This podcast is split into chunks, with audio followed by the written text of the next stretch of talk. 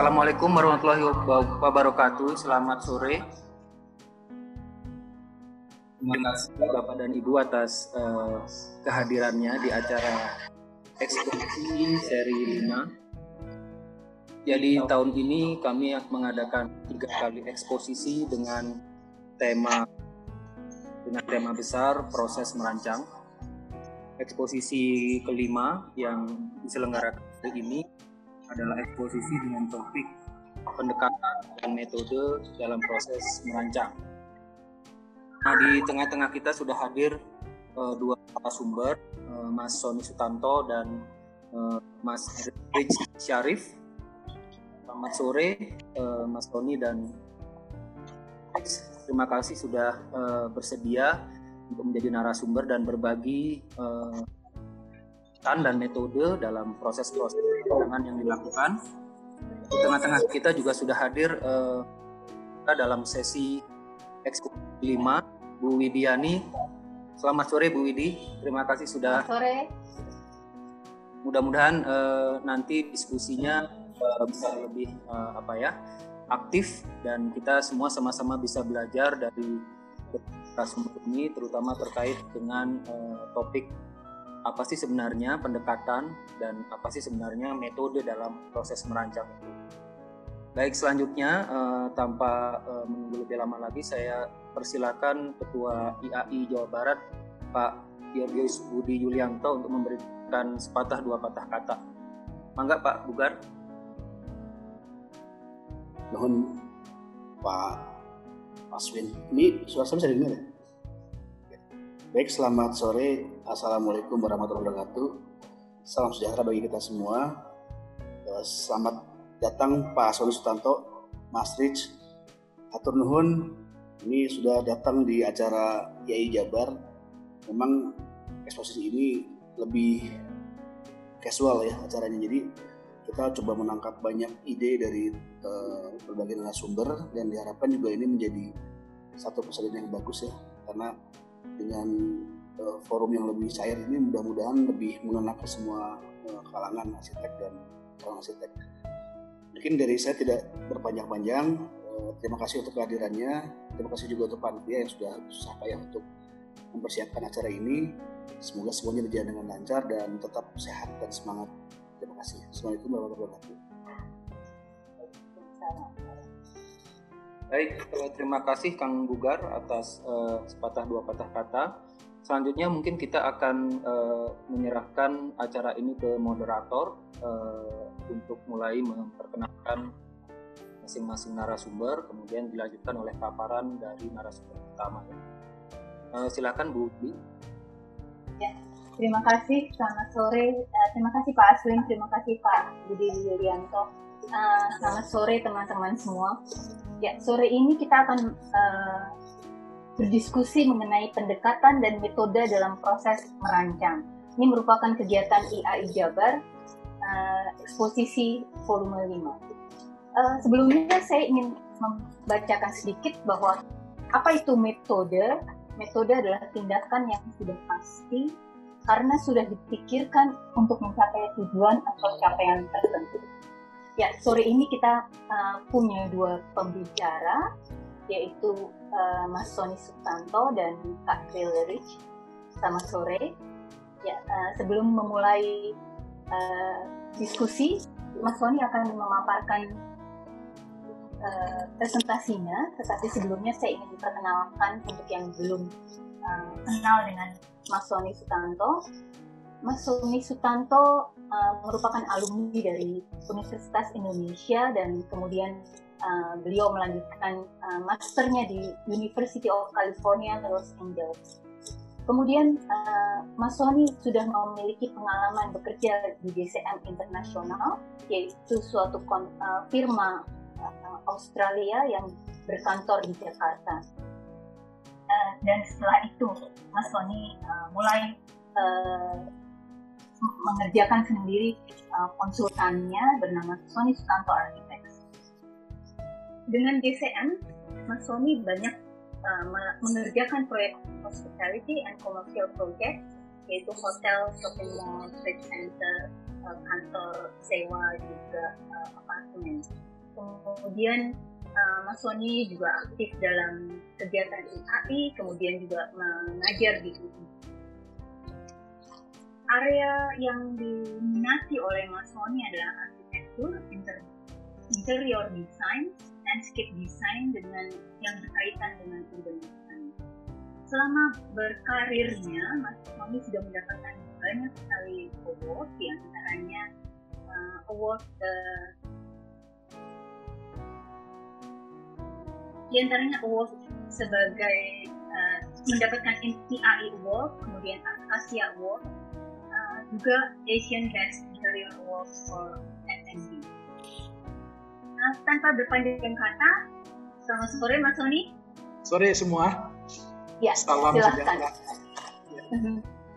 Oh langsung nih, Boleh, ya boleh Mas. langsung ya sorry. Oke, selamat sore rekan-rekan semua. Tadi Mbak Widi sudah ngasih intro yang menurut saya eh, apa soal metode itu sebagai sebuah tindakan yang pasti ya Mbak ya untuk mencapai tujuan intinya begitu. Nah saya Karena sudah sebenarnya dipikirkan Mas. Sudah dipikirkan. Karena sudah, ya. sudah dipikirkan. Eh, jadi begini, saya melihat ya dalam arsitektur itu ada dua hal sebenarnya dua hal. Pertama, saya ini ini mungkin sudah menjadi perenungan pribadi dan menjadi approach pribadi dari kami dan biro kami ya.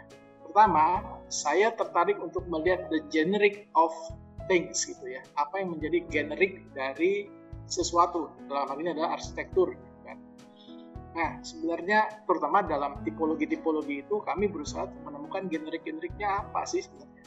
Karena kita kalau bikin, kami banyak bikin hospitality, sampai melakukan studi yang sangat mendalam, panjang, lewat dengan pengalaman, trial and error, salah-salah, ini itu dan sebagainya, menemukan semacam benang merah, semacam sebuah eh, generik daripada eh, tipologi eh, hotel misalkan atau F&B misalkan ya. Itu ada satu generiknya.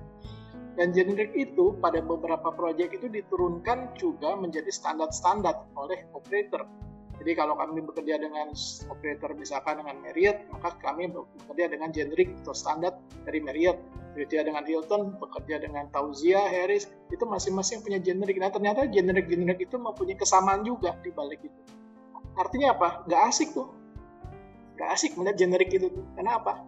Karena semua sama gitu loh. Sama seperti kalau kita lihat obat ya, begitu ketemu aspirin maka muncullah segala macam merek aspilet, aspitin, aspi, segala macam as, as.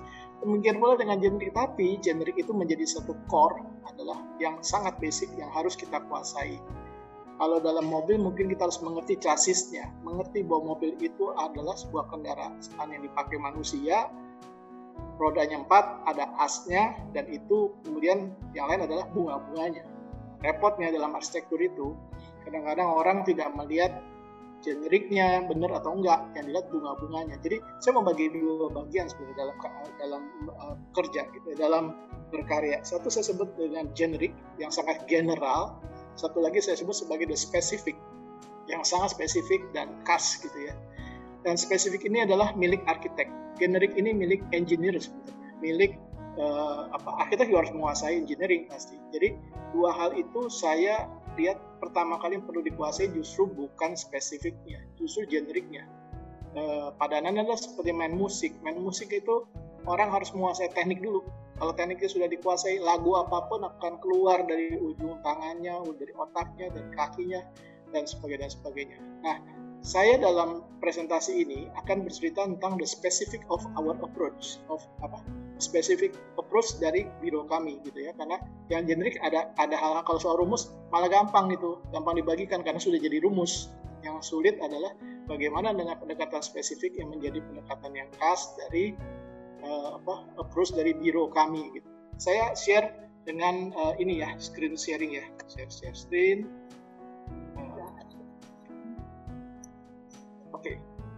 Nah, saya di sini adalah saya sebutnya sebagai proses merancang Sony Sutanto Arsitek. Sebenarnya sebagai satu kelompok, saya membangun kelompok ini juga dengan konsep, bukan dengan tanpa konsep, bukan sekedar sebuah biro yang hanya ngambil kerjaan, menerima kerjaan terus dikerjakan. Tidak, kami punya cita-cita juga. Kami punya uh, apa punya arahan-arahan bagaimana biro ini dibentuk. Ada orang bilang itu branding, saya bilang bukan branding, itu spirit, itu kultur berbiro, itu kultur merancang yang kami buat. Jadi uh, yang saya buat. Generasi berikutnya mungkin akan merombak ini. Silakan silakan saja gitu ya. Saya kebetulan menuliskan kami menuliskan sebuah buku judulnya Don't Judge the Book by its Cover. Kalau lihat anda lihat tulisannya itu, wah ini buku serius ya, serius banget, nih, dalam banget. Tapi judulnya ada teman saya dari Belanda dia baca ini nih, Don't Judge the Book by its Cover. Kira huruf Belanda, tulisan Belanda gitu. Apa ini Don't Judge the Book by its Cover gitu kan?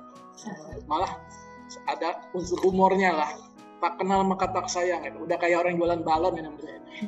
Sony Ustad Architect 2003 sampai 2015 karena buku ini terbit pada tahun 2015 ya uh, di dalam covernya itu ada paraf saya yang yang no itu paraf saya dibuat. Di, ini buku diedit oleh Pak David Utama rekan kita di pendidikan sekarang sedang doktor di dan ini sebenarnya satu kombinasi dari statement. Don't judge the book by its cover itu adalah tentang main-main lah sebenarnya. Ditulis dengan main-main gitu walaupun itu serius. Tak kenal maka tak sayang. Saya nggak mau menjadi elitis. Kemudian tanda tangan itu seperti narsis seperti menunjukkan bahwa kami ingin membuat sebuah pernyataan dengan rancangan kami. Nah dalam satu buku itu ada satu satu bab yang isinya saya tulis sebagai 10 perintah bos. Nah ini adalah tentang approach approach kami. Kenapa 10 karena memang susah cari uh, susah saya mau bilang tiga ya kenapa tiga? Empat kenapa tiga? Ya sudahlah sepuluh aja lah. Ini sudah menjadi hak prerogatif dari penulis buku ya. dari sepuluh perintah bos itu ada satu yang nomor satu yang penting dan ini merupakan alas daripada kami berkarya.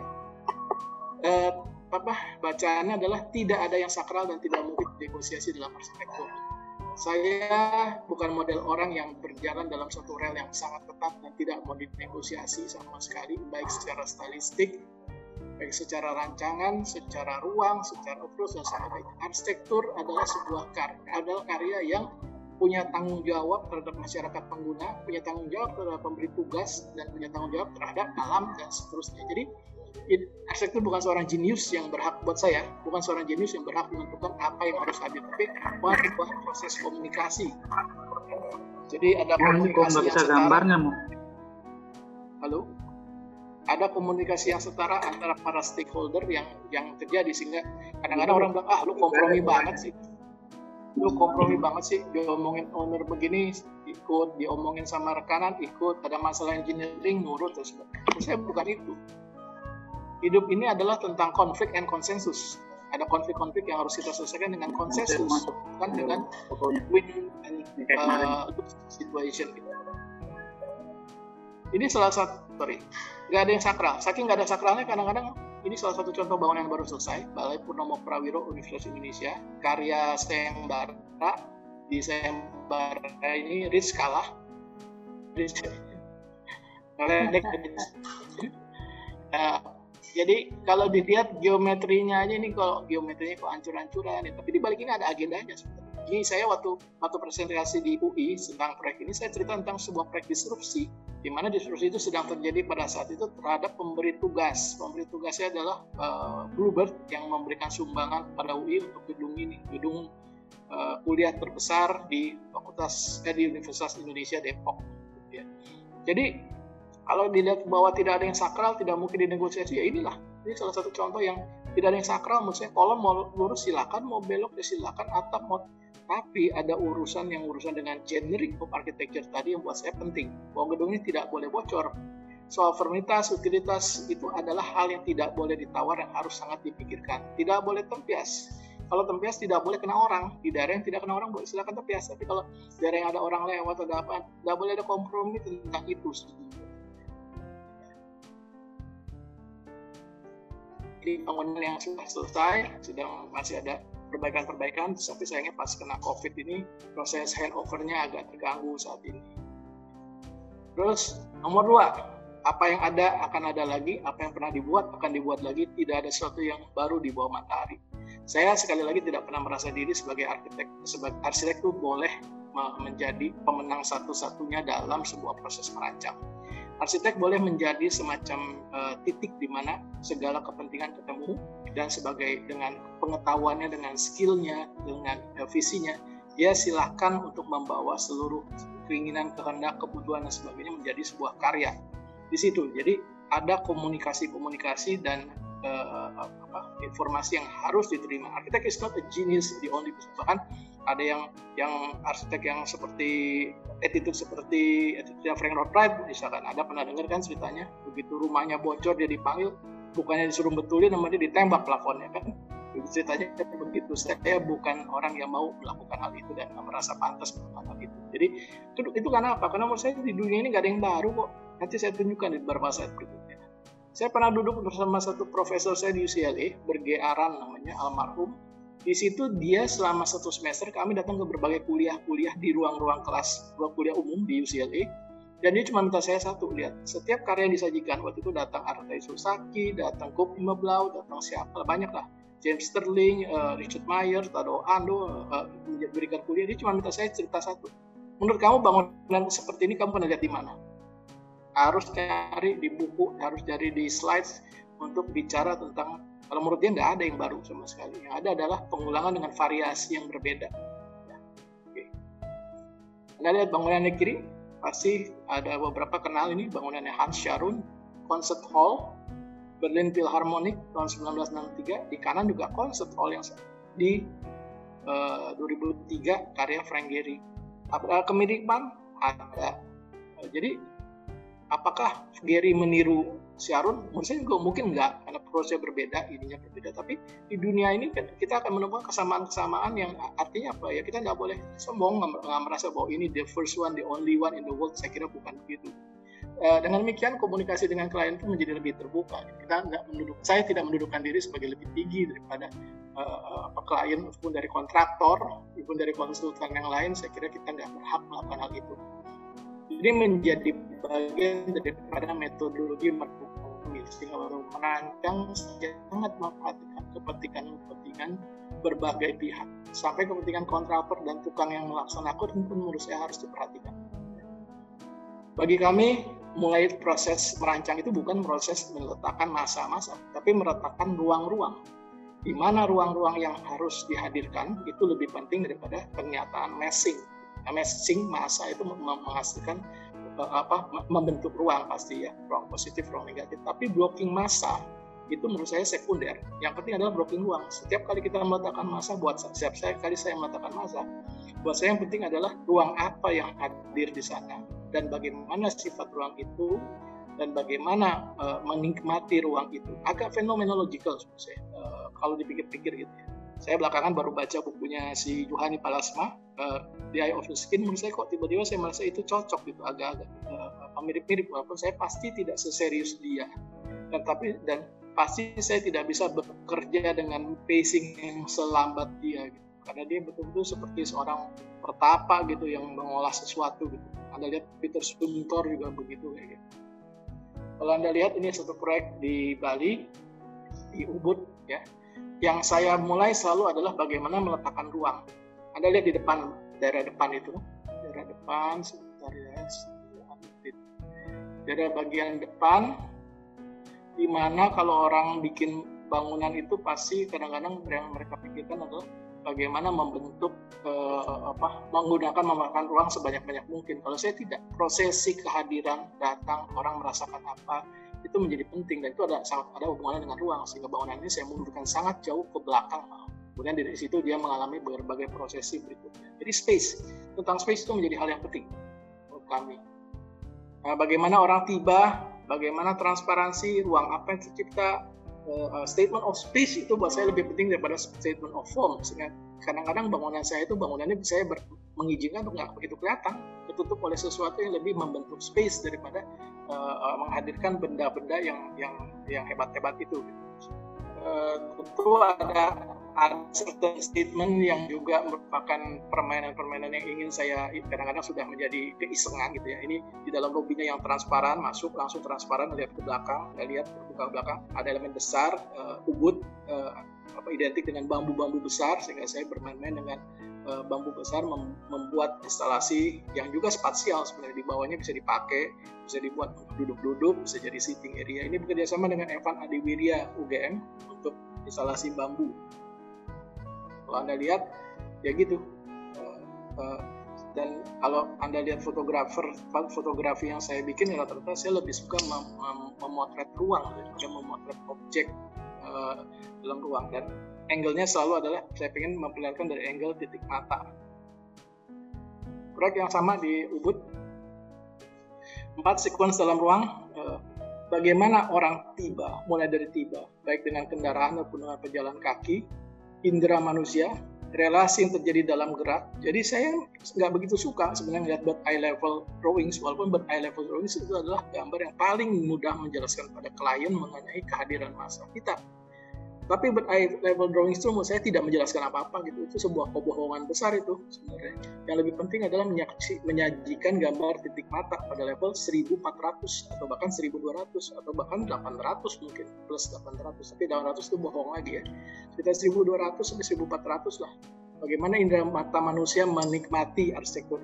Itu saya sangat teliti dalam dalam saya sangat meneliti apa yang terjadi dalam karya-karya kami, apa yang terjadi pada saat perang masuk sampai nanti dia keluar lagi itu saya selalu membuat simulasi-simulasi dalam otak, dalam uh, apa karya, dalam sketch dan sebagainya. Di foto kantor kami uh, tentang sequence juga penting. Orang masuk ke tempat terbuka, kemudian terbuka ke atas. Jadi soal merasa itu merasa dalam space seperti apa itu buat saya hal yang sangat penting ini jadi begini bukan hanya karena uh, hasil dari coret-coret geometri, uh, tapi kami juga saya lakukan menguji dengan sketsa-sketsa untuk mengerti apa yang saya nikmati dengan kehadiran bangunan ini. Transparansi uh, menjadi satu hal yang sering muncul di tema kami karena transparansi itu menurut saya memberikan kesan kebebasan, keluasan. Saya merasa ya bangunan dengan solid solid fasad ya itu jauh lebih mudah dirancang daripada bangunan dengan transparansi bangunan dengan solid. Anda kalau kita kalau lihat bangunan-bangunan yang ada di Instagram, orang-orang yang merancang bangunan blocking solid itu jauh lebih gampang memberikan efek yang menendang itu daripada yang transparan karena transparansi itu menghilangkan pandangan kita justru melihat space lebih melihat space gitu. Saya sendiri lebih tarik pada transparansi daripada pada solidity. Terus kemudian nomor lima skala proporsi perbandingan antara manusia dengan lingkungan. Ini soal urban juga penting bangunan yang berada di tengah kota uh, padat itu beda seterusnya dengan bangunan yang berada di tempat yang bukan daerah padat uh, dan seterusnya dan seterusnya. Perbandingan antara manusia, manusia yang bergerak, perasaan dan pengalaman menikmati arsitektur menurut saya itu menjadi penting gitu. Jadi saya menurut saya kadang-kadang uh, dekorasi pun menjadi penting untuk ditaruh pada tempat yang pas, jangan ditaruh pada tempat yang nggak pas juga. Tapi tentu ini nanti ada yang lain lagi ya. Satu proposal di Phnom Penh bangunannya karena bangunan di Phnom itu kosong banget ya lingkungannya kosong sekali tidak ada apa-apa maka kami memang bikin semacam menara menara ini menara suar gitu ya. Sehingga dengan harapannya puncak suar ini pada saat malam hari terlihat dari segala penjuru kota karena memang daerahnya sangat kosong pinggirnya telaga dan kosong sekali. Kalau anda bayangkan mungkin membayangkan apa ya eh, Sudirman pada tahun 60 kali itu. Kondisi kayak begitu bahkan lebih lebih sepi daripada itu pada high level tentu berbeda lagi approach-nya, ini bangunan yang sama sebenarnya, belum dibangun, masih desain. Terus kapan bangunan harus tinggi, kapan bangunan harus rendah, tingginya di mana, buat kami itu juga menjadi penting gitu. Kapan dia menjadi menara, kapan dia menjadi mendatar, kapan menjadi itu, itu adalah soal skala dan proporsi yang eh, yang menjadi perhatian gitu. Saya uh, apa perhatian yang sangat intens dari kami. Oh sorry ini ada sih. Kemudian soal lapis-lapis ruang. Transparansi itu menghasilkan lapisan ruang. Jadi kita kalau melihat dinding, kita cuma melihat dinding. Tapi kalau dinding itu kita buat sebagai bukaan, maka di balik dinding itu ada sesuatu. Kalau di balik sesuatu itu ada layer lagi, itu menjadi sesuatu lagi. Jadi layering of space itu juga menurut saya penting dan sering muncul di tema-tema rancangan kamu.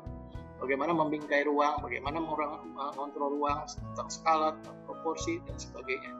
Dengan memperhatikan situasi sekitar ini adalah rumah yang juga menjadi tepat menjadi kantor kami, rumah saya.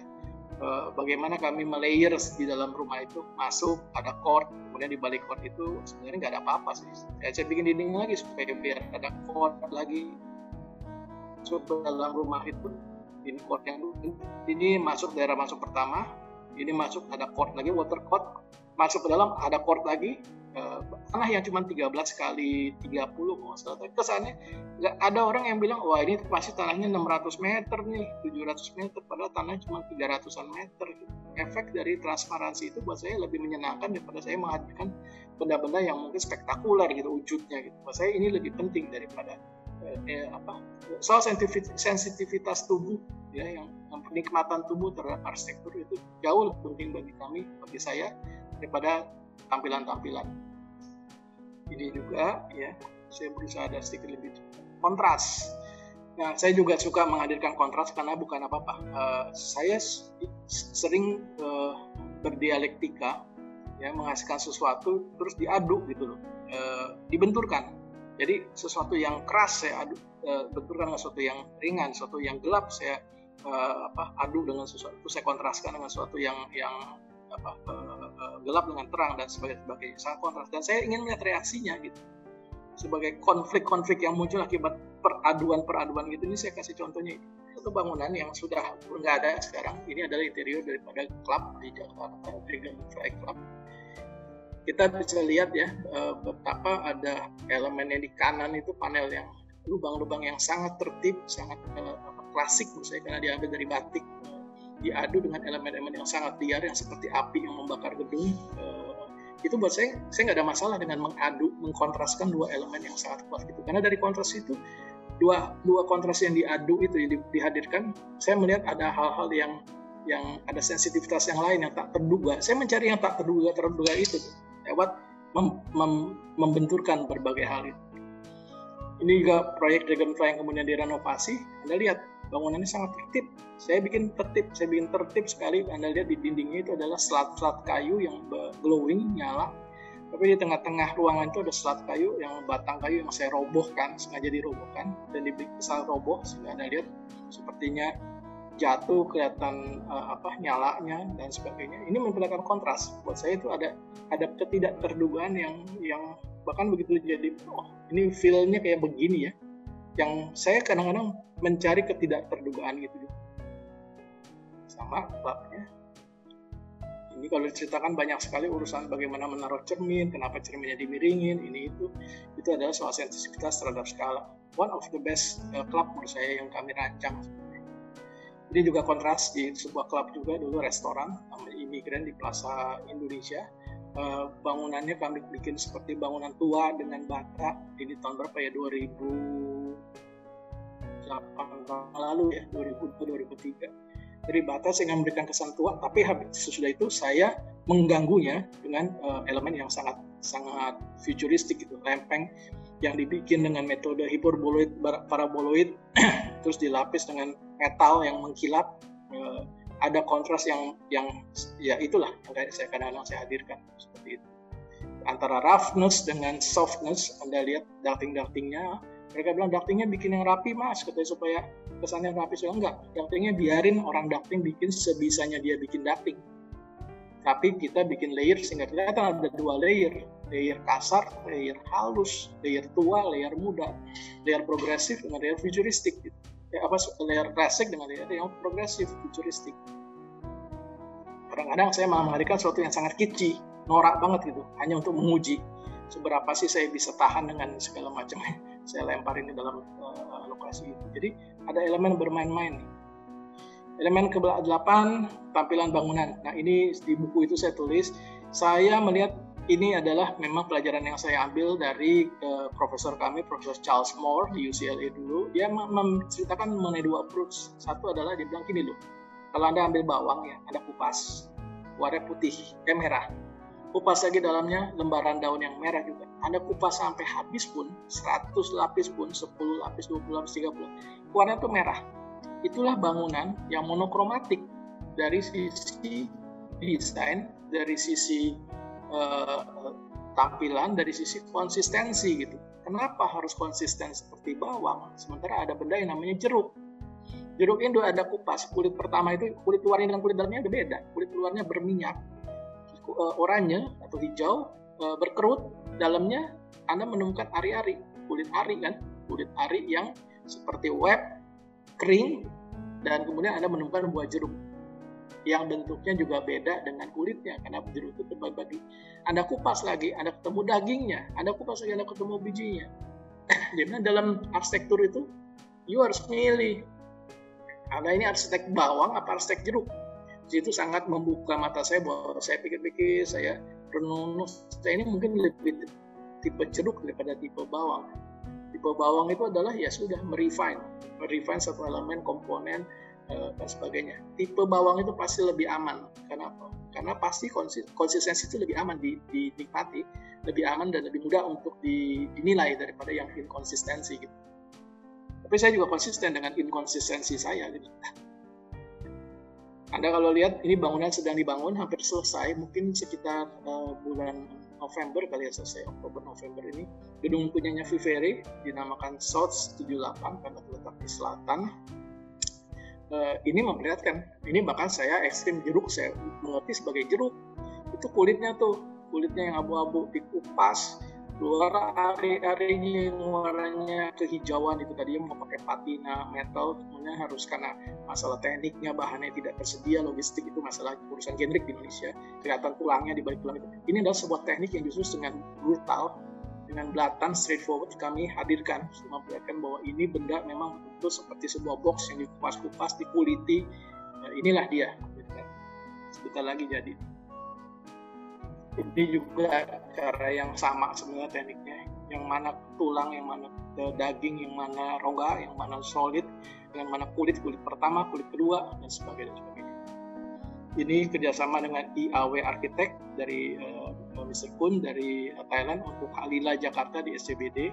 Ini sebenarnya adalah kulit sementara karena sebenarnya pada saat harusnya sudah terjadi nanti full kulit itu harusnya dilapis oleh tanaman. Ya, tapi uh, udah kami siapkan tempat untuk uh, apa keliling tanaman tapi belum terlaksana dengan baik tanamannya.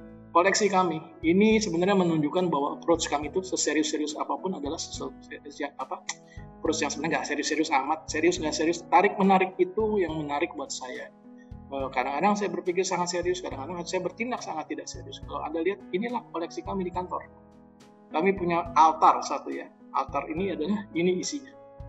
Isinya adalah mainan koleksi uh, egol-egol namanya ya. Bisa goyang-goyang tuh dari segala penjuru tempat yang saya kunjungi.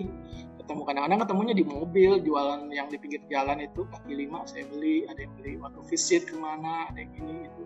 Dan saya nggak merasa bahwa kantor ini harus seperti sebuah kantor yang menyajikan mengkoleksi barang-barang. Saya punya barang antik beberapa biji tapi saya nggak merasa bahwa harus konsisten. Barang antik makin lama koleksi makin mahal sebagainya. Saya nggak melihat begitu apa yang yang yang menjadi jiwa kami adalah jiwa yang seperti ini gitu. Saya kira agak postmod mungkin ya atau apa. Pengaruh Charles Moore dalam rancangan kami itu menurut saya bagi saya attitude-nya adalah sangat besar. Ya, my professors.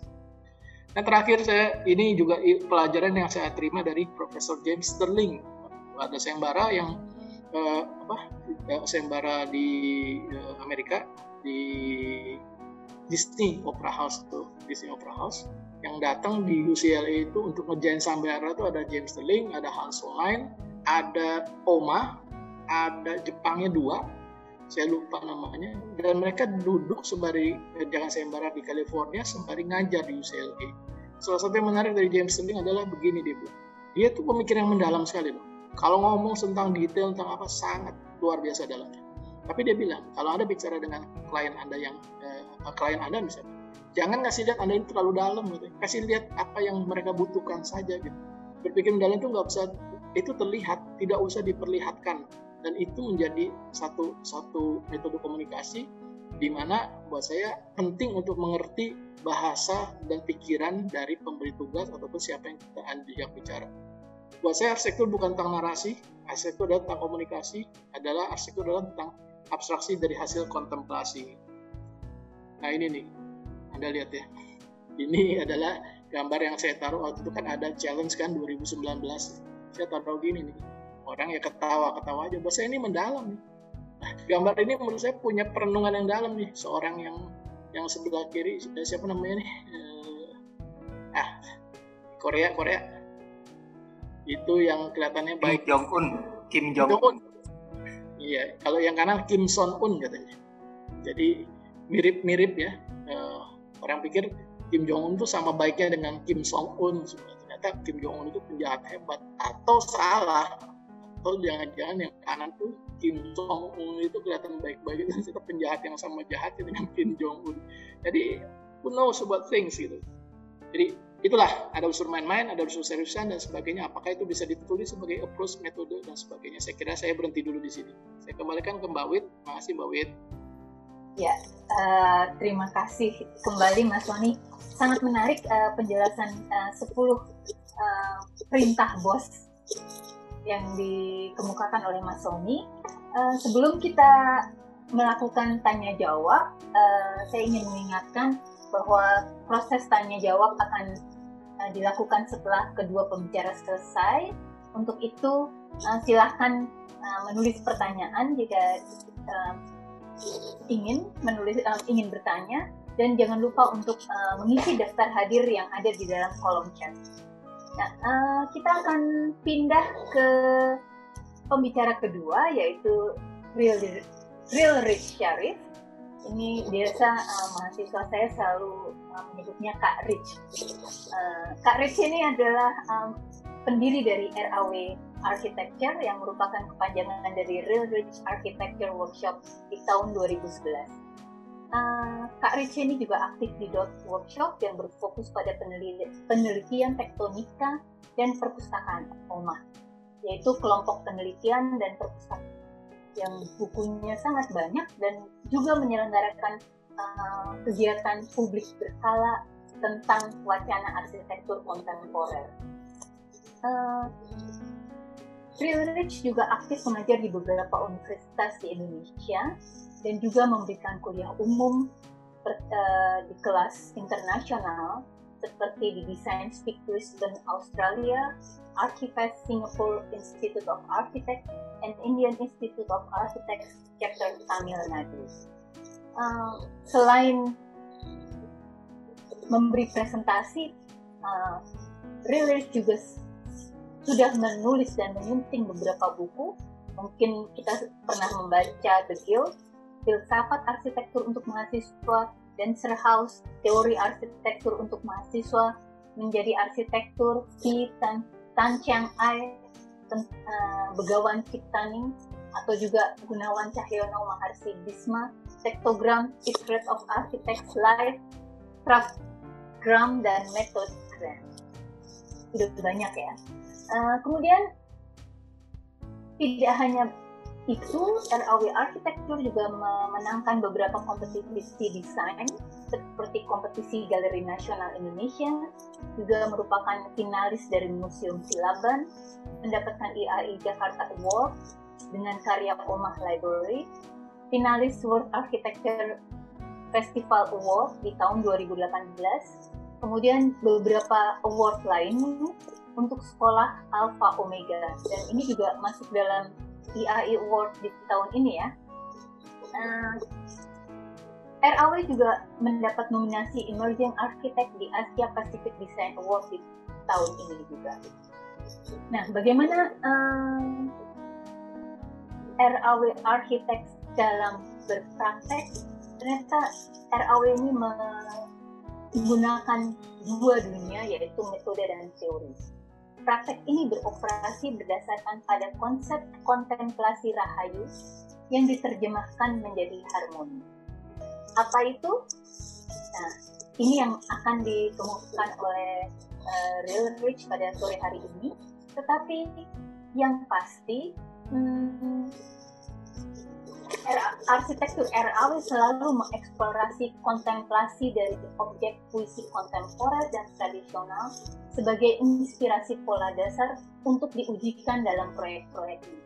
Sehingga kalau kita lihat, pendekatan memanifestasi dalam konsep Studio The Guild yang merupakan rumah dan perpustakaan semi publik dan tempat di mana arsitektur RAW dapat berbagi dengan semua orang. Dan tanpa berpanjang kata, selamat sore uh, Kak Rich. Sore Bu Iti. Sore Pak ya. Nah, uh, silakan mempresentasikan Oke, saya share. Presentasinya. Iya. Oke, uh, pertama kali terima kasih atas uh, kesempatannya untuk Ikatan Arsitek Indonesia di Jawa Barat. Uh, presentasi saya kali ini sebenarnya adalah sebuah refleksi yang yang cukup personal gitu. Ada beberapa spekulasi yang personal juga. Cuma saya coba runtunkan secara logis apa sih menjadi dasar-dasarnya dan mungkin ada yang juga irasional juga gitu ya. Nah, pada uh, ini uh, presentasi saya refleksikan ke dalam uh, apa yang terjadi akhir-akhir ini gitu dengan apa yang ada di Oma Library juga dengan kita mencoba menelisik prinsip-prinsip kritisisme sejarah arsitektur dan teori yang sesimpel seperti ini bahwa setiap mengkritik itu mempunyai sebuah metode juga gitu dan memiliki sebuah cara untuk melihat sesuatu intinya adalah tanpa pretensi dan tidak ragu untuk menjadi radikal radikal berarti sebuah pribadi yang mengakar gitu. Ada beberapa tekniknya. Ada lima teknik. Tidak ada niatan tidak ada niatan di memuju atau menyerang tidak mempunyai kesimpulan. Di situ juga uh, kedengeran ya? Jauh. Oh. Uh, Oke, okay. habis itu mulai dengan sejarah juga yang merupakan intinya sebenarnya adalah merupakan interpretasi yang subjektif. Sedangkan teori adalah cara memandang sesuatu. Nah, begitu kita lihat runtunan antara kritisisme, eh, sejarah dan teori, pertanyaannya metode dari mana? Nah, sebenarnya diskusi dari Undi Gunawan baru saja kemarin, gitu, bahwa metode adalah sebuah cara-cara yang aktual yang digunakan untuk menjembatani antara praktek dan orang memandang. Memandang itu di mana sejarah, sejarah dan kritisisme landasan. Ini ini suaranya ada ada yang uh, double. Apa kayak gitu ya Bu berulang. Uh, iya seperti ada yang pakai dua alat ya. Dan dan itu mungkin apa di mute ya dari segi hostnya mungkin bisa dibantu. Saya takut terima kasih. yang lain. Terima kasih Bu saya mungkin bisa lanjutkan, terima kasih. Nah, oleh karena itu ada baiknya kita lihat dulu sejarah dan uh, dan uh, kritisismenya gitu. Ya. Ini yang saya pikir uh, uh, ada di dalam dunia komputasi desain atau saya pikir terkait dengan teknologi mendesain atau teknologi uh, yang terkait dengan teknologi bangunan pastinya sebagai ranah metode karena metode itu terkait dengan konkretisasi yang pertama adalah apa yang digagas. Ini digagas oleh Stanislaw uh, yang di tes yang diberikan di Harvard GSD uh, bahwa di tahun 1930 itu ranahnya adalah modularity. Yang intinya adalah efisiensi, ada pengolahan bentuk-bentuk yang terukur melalui uh, pertimbangan parameter yang logis gitu ya. Di mana tahun 1960 komputasi itu masuk, komputer itu masuk. Dan kemudian salah satu orang yang memiliki privilege untuk bisa membuat bentuk-bentuk yang luar biasa itu adalah Frank Gehry di mana dia masuk uh, sampai di tahun 1990 kemudian parameter ini berubah menjadi sebuah uh, tools dan metode desain gitu uh, di mana uh, arsitek dimudahkan gitu, seperti memiliki sebuah uh, apa uh, sebuah senjata gitu untuk bisa memanifestkan bentuk ke dalam parameter yang modular gitu bentuk itu bisa dibagi-bagi menjadi parameter yang modular bahasa. Yang uh, uh, orang yang yang cukup uh, signifikan gitu atau, atau cukup uh, uh, bisa dikenal di di satu ini adalah Zahadid dan Patrick Schumacher. Di mana di tahun 2010 uh, menurut Stanislaw ini masuk ke era artificial intelligence. Kalau kita bisa tahu uh, konsep ruang di WeWork juga dibangun oleh beberapa parameter dasar yang dikumpulkan untuk diubah menjadi sebuah parameter desain. Nah, segitu majunya sebenarnya uh, teknologi mendesain itu, ya. yang uh, yang step-stepsnya itu sudah sedemikian jelas, gitu ya. Dan pada akhirnya ini uh, simulasi yang terjadi gitu ya. Ada dari macam-macam lah ini saya nggak sebutin semua, tapi Walter Gropius, Le Corbusier, Buckminster Fuller, Christopher Alexander dengan Notes of Synthesis Form, sampai Cedric Price dan Generator yang akhirnya menginfluence terjadi punya Pompidou Center, Richard Rogers, Renzo Piano, masuk ke parametrism dan artificial intelligence. Dan muncullah kita di Indonesia di saat yang sekarang.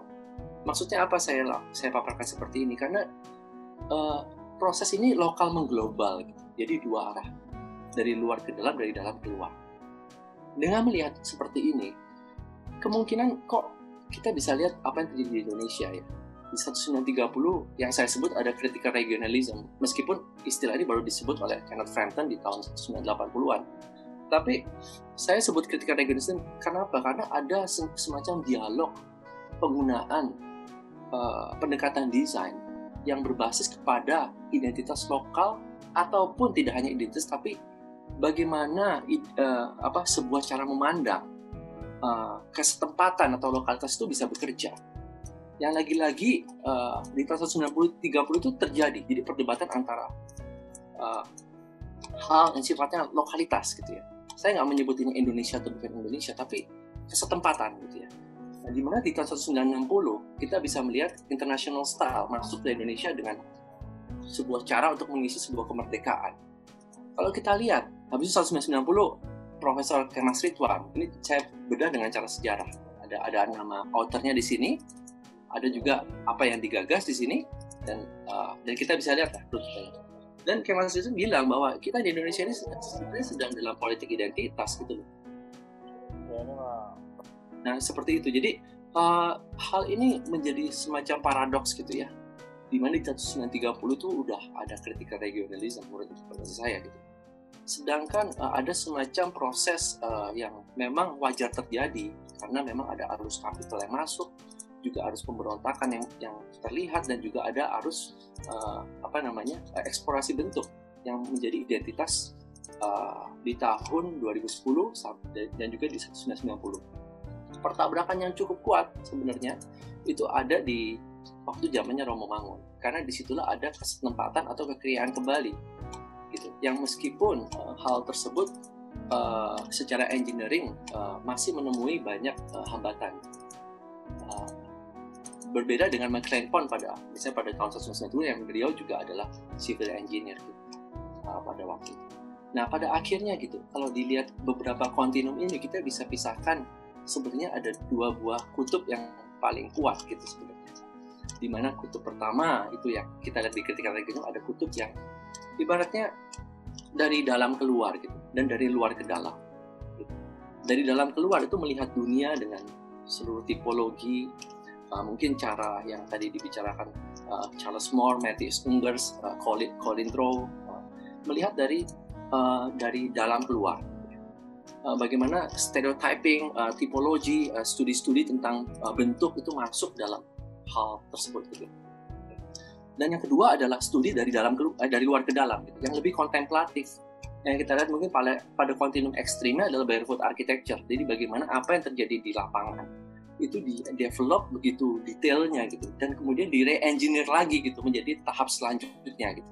Yang pada akhirnya gitu saya sempat ngobrol sama Uni Gunawan bahwa uh, McLean Pond ini karyanya itu menginfluence karya Frei Otto yang ada di Jerman, Munich Stadium. Jadi hal ini menjadi satu hal yang sangat mengasihkan gitu. Bagaimana berpraktek itu bisa membuat suatu rasa yang puas gitu. Pada akhirnya saya masuk ke 6 ini bagaimana kita bisa mereposisikan metode untuk uh, apa yang ada di dalam kehidupan sehari-hari. Dan sini kasus kasusnya adalah kasus uh, studio kami gitu ya, Raw Architecture. Pada akhirnya saya pikir ada dua hal ya uh, definisi dari metode gitu ya adalah sebuah cara bagaimana sebuah ide digubah melalui realisasi tapi ada dua buah cara yang pertama dari luar ke dalam yang sifatnya reflektif yang kedua adalah cara dari dalam keluar yang saya sebut adalah kontekstual. Dan kemudian cara ini kalau kita lihat adalah uh, Sarasustra gitu orang yang menyendiri yang perlu untuk menjaga jarak terhadap dunia. Masuk ke gunung melihat uh, cakrawala semesta uh, langit tanah dan kemudian dia mendapatkan esensi dari situ. Dan kemudian ini pun juga ada bahwa Surya Mentaram pun juga perlu untuk berjarak. Sebenarnya. Filsuf dari Jawa berjarak dari uh, seluruh gelar kebangsawanan untuk bisa dia masuk ke dalam kondisi yang subtil kembali untuk bisa memaknai hidup. Nah pada akhirnya ada dua buah cara sih. Uh, sorry, ada ada uh, dua buah titik berangkat dan satu buah cara gitu ya. Hanya satu buah cara. Yang pertama adalah kalau kita melihat rumah gitu dan kota Cara pertama adalah melihat kota sebagai uh, sebuah sumber inspirasi.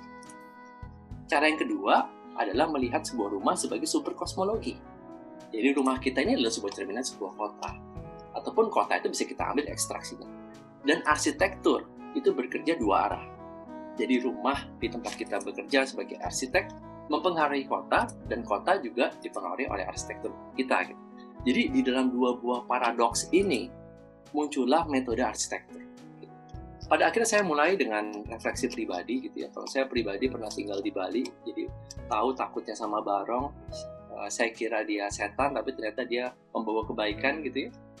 Yang kedua saya juga tinggal di dekat Gang Doli di Surabaya. Hanya beda tiga gang sebenarnya. Rumah saya dulu juga akhirnya dikontrak dan akhirnya ya digunakan untuk praktik seperti itu. Jadi uh, praktik doli ini menarik karena sudah dibiarkan begitu lama dan pada akhirnya ditutup juga gitu dan menyisakan ekses-ekses yang negatif. Dan saya bisa tarik beberapa refleksi itulah uh, beberapa politik identitas atau beberapa fenomena gunung es yang terjadi di mana-mana gitu. bahwa ada masalah yang besar di bawah uh, permukaan gitu ya. Uh, apakah identitas, apakah filosofi, filosofi dan sebagainya itu hanya sebuah spekulasi. Dan pada akhirnya begitu saya kembali ke Bandung yang ITB adalah tradisinya kolonial yang saya bilang uh, maksud saya kuliah di Bandung di ITB dan merasakan situasi di dalam uh, saya kasih Indonesia gitu sate gitu. Ada semacam semangat kolonial dan pragmatis ada semacam transfer teknologi yang yang yang masih uh, tersisa gitu ya bagaimana teknologi-teknologi itu bekerja yang merajut kita semua yang kita harus belajar gitu. Yang kadang-kadang sifatnya pragmatis. Sampai-sampai uh, apa dialog dengan Pak Yuswadi yang saya yakini uh, bagaimana beliau bisa menyebut kata pragma gitu ya bagaimana sebuah hal yang sifatnya menjadi keseharian. Nah inilah ini sebuah uh, sebuah uh, runtutan sejarahnya. Pada akhirnya saya uh, berkesempatan untuk magang di uh, Foster di London di mana terdapat sebuah tradisi yang rasional atau prosedural. Dialog yang sifatnya argumentatif gitu ya. Nah pada akhirnya saya kembali ke Jakarta dan mulai praktek di dalam ruang gerasi dan mulai merasakan adanya kontemplasi ada apa dengan dunia gitu ya kesadaran dan tegangan itu dan kemudian situasi itu menjadi gelap gulita dan kemudian saya mulai meraba-raba dan mulai merasakan seperti seseorang yang sedang bilang matanya itu membuta gitu ya sedang meraba-raba sedangkan dunia ini sedang mau apa gitu dan saya maunya apa dan pada akhirnya menurut saya gitu ya ada Suryo Mentaram ini menggagas dua buah kontemplasi yang sangat penting. Yang pertama adalah ide gagasan. Gagasan adalah sebuah titik esensial yang dimiliki oleh semua orang. Esensi, gagasan. Yang kedua adalah potret. Potret adalah literal, interpretasi literal terhadap sebuah hal. Ya sebenarnya bisa tidak terkait dengan gagasan, bisa juga terkait dengan gagasan, tapi potret adalah potret. Sebuah gambar adalah potret tanpa dibuat narasinya itu adalah potret. Tapi kalau gagasan bisa turun ke potret. Nah, jembatan inilah yang menurut saya mungkin uh, dengan beberapa dialog uh, waktu itu bikin arsitek mumpuni ada yang hilang. Misalnya dengan uh, dialog dengan Pak Adi Mursyid, uh, be, uh, hijrahnya beberapa dosen uh, di waktu beliau lagi apa lagi kuliah gitu sampai ke pulang balik ke Belanda sehingga tidak ada dosen sama sekali yang bisa diajarkan ilmu ilmu ketukangan. Jadi hal-hal tersebut menurut saya ada gagasan yang terputus dengan potret. Nah di situlah Rahayu adalah sebuah cara untuk mengharmonikan diri, sebuah keadaan yang tentram yang tidak mencari sebuah kebenaran atau kesalahan. Jadi situasi yang santuy gitu ya. Nah pada akhirnya begitu, saya hanya buat dua buah kontemplasi yang paling ekstrim gitu ya uh, dengan Alpha Omega dan Project The Guild atau Guha atau Omah Library bisa sama itu kerap berubah-ubah gara-gara karena posisi filosofisnya berbeda yang pertama uh, yang Alpha Omega adalah proyek dengan batas ketat gitu ya uh, project yang uh, membutuhkan jembatan-jembatan uh, bambu untuk bisa mengangkut konstruksi karena memiliki batas ketat berupa waktu dan budgeting tentunya sehingga materialnya dibiarkan finishing tanpa tanpa finishes dan juga um, di situ tidak bisa tercapai akses manufaktur.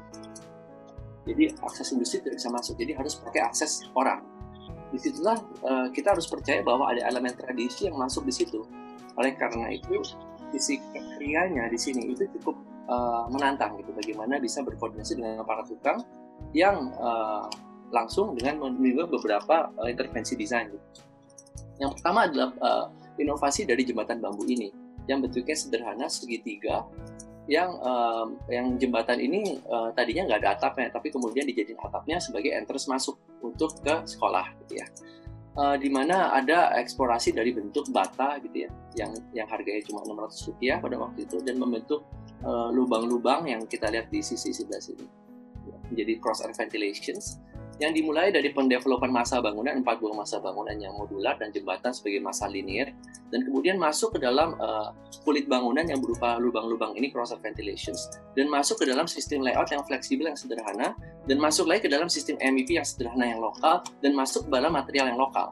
Jadi ada steps yang kira-kira ada tujuh steps yang dari awal sampai ke akhir. Dan penemuan seperti ini juga sama. Kita mulai dari masa bangunan yang sifatnya uh, modular, habis itu direplikasi, memiliki atrium, uh, kulit bangunannya pakai anyaman, uh, begitu masuk. Dan ini eksplorasi apa namanya bentuk seperti ini berjalan berpuluh-puluh kali. Jadi tidak hanya seperti ini aja. Jadi pertama uh, lima buah uh, bentuk apa poligon, nanti diubah jadi enam, diubah jadi tujuh, mana yang paling efektif.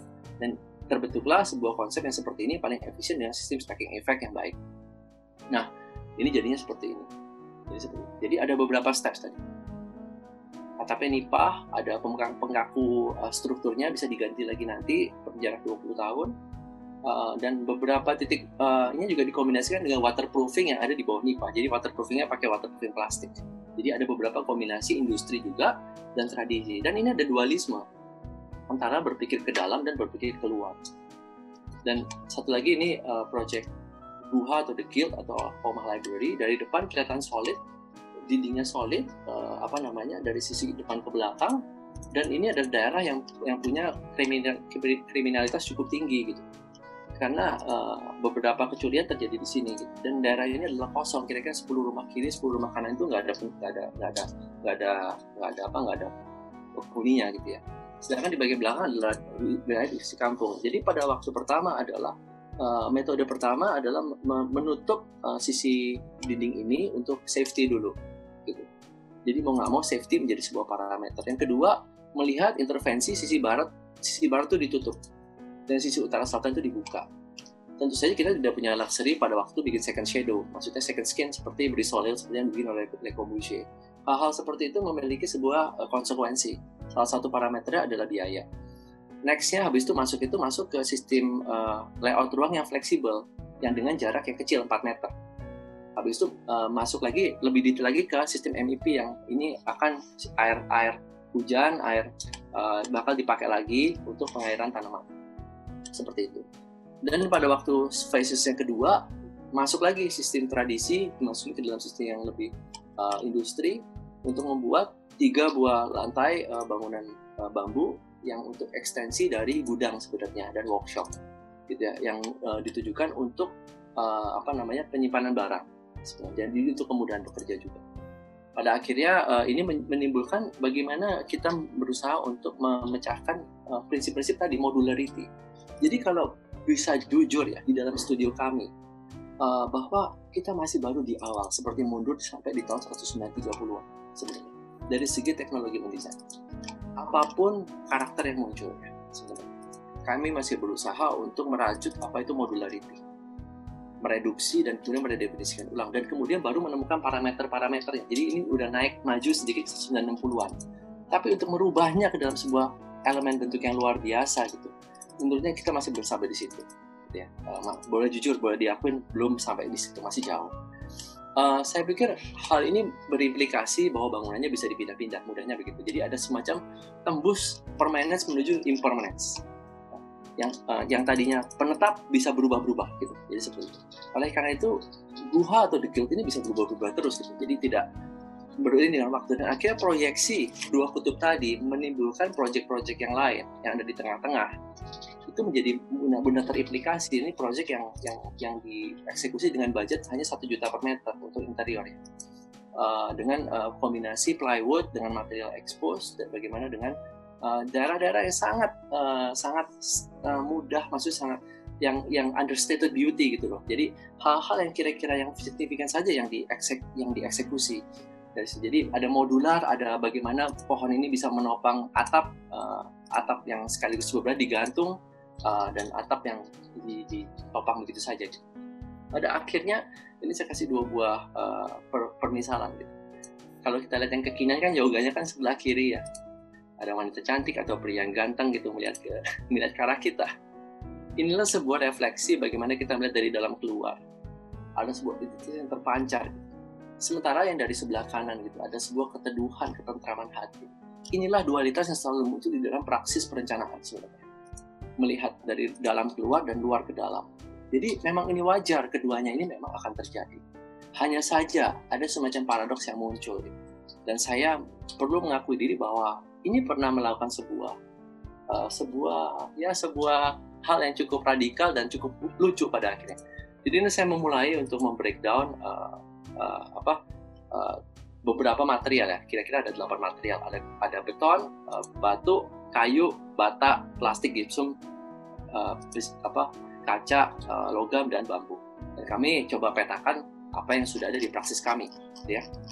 Akhirnya kita dapat sebuah pola bahwa misalnya pola ini bisa mereduksi cost, bahwa pola ini bisa menambah cost, bahwa pola ini bisa punya performance kulit bangunan. Tapi pada akhirnya begitu kami berkaca, ini pada waktu itu uh, menjadi bahan pameran untuk di Indonesia Live di salah satu skenario, tapi menjadi berkaca. Apakah benar kaca itu cuma tentang kaca? Dan apakah benar metal itu juga tetap metal? Kan nggak juga ya. Bahwa di dalam metal itu juga ada kaca. Tapi material paling signifikan mungkin pada waktu itu adalah elaborasi tentang kaca atau metal. Tetapi dengan begitu melihat itu sebenarnya bukan tentang cara ob objeknya. Nah inilah sebuah cikal bakal mencoba refleksi tadi jembatannya. Pada akhirnya hal yang seperti ini gitu ada beberapa puluh pattern seperti ini yang dengan parameter uh, tadi macam-macam tradisi, industri, bentuk, uh, ada macam-macam lah. Saya kita susun ada tiga parameter besar berdasarkan plywood. Uh, eh sorry, rate ya. Yang menariknya adalah begitu kita melihat alpha omega, kita coba susun gitu mulai. Apa sih yang disusun? Tujuh buah step untuk menentukan produk dulu dari metode. Jadi ini adalah sebuah metodologi desain. Jadi yang pertama susun dulu konteksnya apa. Oh, site-nya di rawa-rawa. Yang kedua, masanya seperti apa? Oh, masanya itu simple mungkin habis itu mengacu ke dalam sebuah dataran tinggi karena ada semacam amphitheater itu kayak kayak sebuah kapal yang terdampar gitu ya jadi supaya punya akses amphitheater yang nggak usah diuruk gitu ya jadi uh, setelah itu masuk ke kulit bangunan performanya gimana yang habis itu ruangnya itu seperti apa MEP-nya itu bagaimana gitu pakai MEP apa dan energi airnya itu di preserve seperti apa dan material menggunakan material lokal sampai ada semacam penggunaan kisi-kisi yang terbuat dari gedek gitu ya dan pada akhirnya begitu ngeliat The Guild atau Guha atau Oma Library, kita juga bisa ngeliat peta ini tujuh lagi. Konteksnya seperti apa? Oh, konteksnya adalah sebuah kesenjangan, ada sebuah keterputusan antara gap gitu yang tadi di dalam praksis yang terjadi di dalam diri saya gitu ya dan juga dalam berimpact dalam studio kami gitu. Dan pada akhirnya masa bangunnya seperti apa? Oh ternyata simple kok cuma barat ditutup utara selatan dibuka gitu ya. Dan pada akhirnya ini punya sebuah masa yang cukup trisomatik gitu ya dan kulitnya juga seperti apa? Ada beberapa elemen lagi di kulit bisa didefisikan menurut material masing-masing. Utara beda performanya selatan beda performanya utara beda gitu. Dan selatan pun eh, sorry barat dan timur pun berbeda dan pada begitu melihat ruang-ruang tadi dengan jarak 3 meter, 3 meter, 4 meter, 3 meter, 6 meter dan sebagainya, ada definisi tentang fleksibilitas program gitu. Ini ini sedikit uh, ter, ter uh, mungkin bisa ter, bukan ter, terlihat di dalam rancangan uh, Walter Gropius di dalam 1930 yang namanya Baukasten. Jadi bagaimana merefleksikan sistem uh, prefab ke dalam uh, program ruang gitu yang bisa diolah uh, di dalam uh, fase yang berjarak dari industri konstruksi gitu. gitu. Jadi punya jarak, jadi bisa di develop di dalam meja gambar. Nah seperti ini membuat evaluasi yang luar biasa sih. Dan sistem MEP tadi ada uh, bagaimana mereduksi waste dan menggunakan ulang recycle dan energi dan air juga sama dan sampai ke material dan pada akhirnya tujuh buah step ini menjadi tujuh buah step yang cukup berharga dalam studio kami gitu ya di dalam mengakses beberapa proyek yang lain gitu. Nah pada akhirnya begitu kita lihat titik titik tengahnya bahwa ternyata ini semua bisa dikumpulkan dan bisa dievaluasi berdasarkan sudut pandang sebuah konteks, sebuah masa, sebuah kulit, sebuah ruang, sistem MEP, energi air, dan material. Nah pertanyaannya sebenarnya apa sudut pandangnya gitu? Sudut pandangnya apa? Dalam melihat, dalam membedah ini. Tergantung sebetulnya. Kalau lihat ini, saya tergantung. Saya begitu banyak ter terinspirasi dengan beberapa uh, cara melihat gitu ya. Nah itu pada waktu kita dengan cara melihat, kita sedang berteori gitu. Tapi pada waktu kita lihat metode itu punya bukti nyatanya bahwa ada sebuah step, step, step, steps untuk bisa sebuah elemen itu bisa terjadi gitu. Tapi begitu menggrupkan sebuah step, step, step tadi itu adalah sebuah kumpulan metode. Nah begitu saya mencoba merefleksikan itu, itu menjadi uh, seperti metode untuk merajut metode sendiri dan itu kemungkinan itu bisa berguna buat direfleksikan bersama untuk saya sendiri. Dan pada akhirnya saya kok merasakan kegagalan itu jadi sebuah cara untuk melecut metode ya. Kegagalan. Jadi kegagalan dalam berpraktik kegagalan dalam satu iterasi melihat satu sisi misalnya oh iya nih ada ada mungkin kita nggak bisa elaborasi di sini kegagalan kegagalannya tapi sesimpel dengan uh, kemoronan saya kadang-kadang oke okay, uh, eh, kita coba bentuknya lengkung kadang-kadang uh, pernah saya bikin bentuk lengkung harusnya malah saya kejedot sendiri habis itu kita tinggiin sedikit baru bisa work out kadang-kadang ada faktor intuisi yang seperti itu tapi cara memandang itu kayak erat kaitannya dengan evaluasi. Tanpa mengetahui posisi kita gitu. Kemarin saya tanya ke Undi, kita sedang berteori atau sedang membuat metode, kemungkinan sulit untuk bisa berkembang kecuali adanya sebuah seleksi alam yang ketat, khususnya kayak fase corona ini. Jadi metode membuat jiwa evaluasi di dalam diri kita itu bekerja, dan sifatnya kontemplasi. Saya pikir ini sebagai sebuah gambaran utama dari metode-metode yang umum. Saya mungkin setelah ini akan sedikit cepat mungkin uh, untuk menggambarkan beberapa sudut pandang yang mungkin saya masih belum selesai, tapi saya bagi aja mungkin dengan sebuah ketulusan untuk berbagi ya. Yang pertama adalah strategi atau metode itu beda.